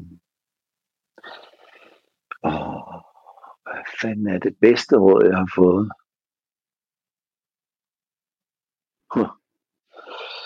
Det er vel... Øh...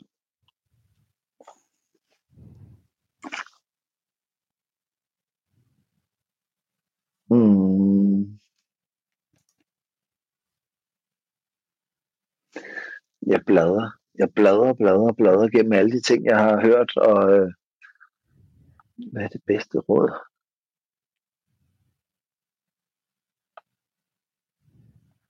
Det var sagens. Jeg er helt blank. Det, det, det, det var som et godt spørgsmål. tak. Jeg, jeg, jeg, jeg kan simpelthen ikke... øh, Jeg kan simpelthen ikke komme... Så sidder jeg sådan og tænker halvt i sjove baner. Ikke? Du, du må ikke spise lige efter, du har svømmet. Eller, du, ved, eller hvad fanden folk nu har sagt af gode råd. Ja. Men, men så tænker jeg også i forhold til min karriere, ikke? så kunne man koge det ned til sådan noget tro på dig selv. Who cares? Det er jo pisse ligegyldigt. Ikke? Altså, det er jo ikke, det er jo ikke, eller, det der, det der råd før med spørg dig selv, hvorfor, det, er jo ikke, det var ikke noget dårligt råd. Det har jeg citeret i 25 år nu. Jeg, jeg tror, Mette for længst har glemt, hvad hun har sagt. Ikke? Men det er, meget, det, er, det er måske en meget god idé. At, at, ja, det kunne godt være, at det var det. det er fandme et godt råd. Og så har jeg en ven, der hedder Tue, der har kommet med mange af de der, som, som har lært mig mange af de der ting, jeg også selv har bragt videre i øh, mine shows. At man, der er ikke noget, man skal. Apropos gajol-filosofi. Der findes nogle valg, og så er der nogle konsekvenser. Ikke? Det, er jo, det var også en, øh, en øjenåbner for mig. Øh, og jeg prøvede det ligesom af på ham og sagde, ah, vent lige lidt, man skal da. Hvor han ligesom sagde, nej, det behøver du ikke. Og, og så den- det der med at tage ansvar for, for sit eget liv. ikke? Og det, det ligger jo faktisk i begge de her, kan man sige, i den her lille øh, øh, ting med, at man ikke, at der ikke er noget, at man skal. Man, man, man, man gør nogle ting. Øh, men også i det her med at spørge sig selv, hvorfor. Der ligger et ansvar i, i begge dele. Ikke? At tage et ansvar for, for sit eget liv. Så det er måske sammenkogt det bedste råd, man kan få. Tage ansvar for sit liv. Det, øh, det, det, det, det vil jeg også sige. Det må være en high note, øh, eller Ja. low note, afhængig af, hvad, hvad, hvad perspektiv man har på det. Øh, og slutte podcasten af på Anders. Det har simpelthen været vanvittigt fedt. Tusind, tusind tak, fordi du tog dig tiden til det. Ja, det var en fornøjelse. Det var en fornøjelse. Og øh, jeg skynder mig lige at sige til lytterne her på falderæbet, at øh, Anders han er jo på de forskellige sociale medier, der kan I finde ham derinde. Men øh, livsstil er en livsstil. Øh, den bør være i butikkerne. Enten den kommet den dag, det her interview det, øh, bliver udsendt, eller så kom det dagen inden. Så øh, den kan købes eller findes på diverse steder. Ja, fra 7. oktober. Fra 7. oktober. Ja, yes. Anders, tusind tak, fordi du ville deltage. Ja, det var fornøjelse. Tak for i dag. Du har lyttet til Rollemodellerne. Podcasten er produceret af mig, Bjørn Vestergaard Barfod. Klip og redigering, Anders Guldberg. Jeg er tilbage med en ny inspirerende gæst næste gang, så du kan starte med den bedste inspiration.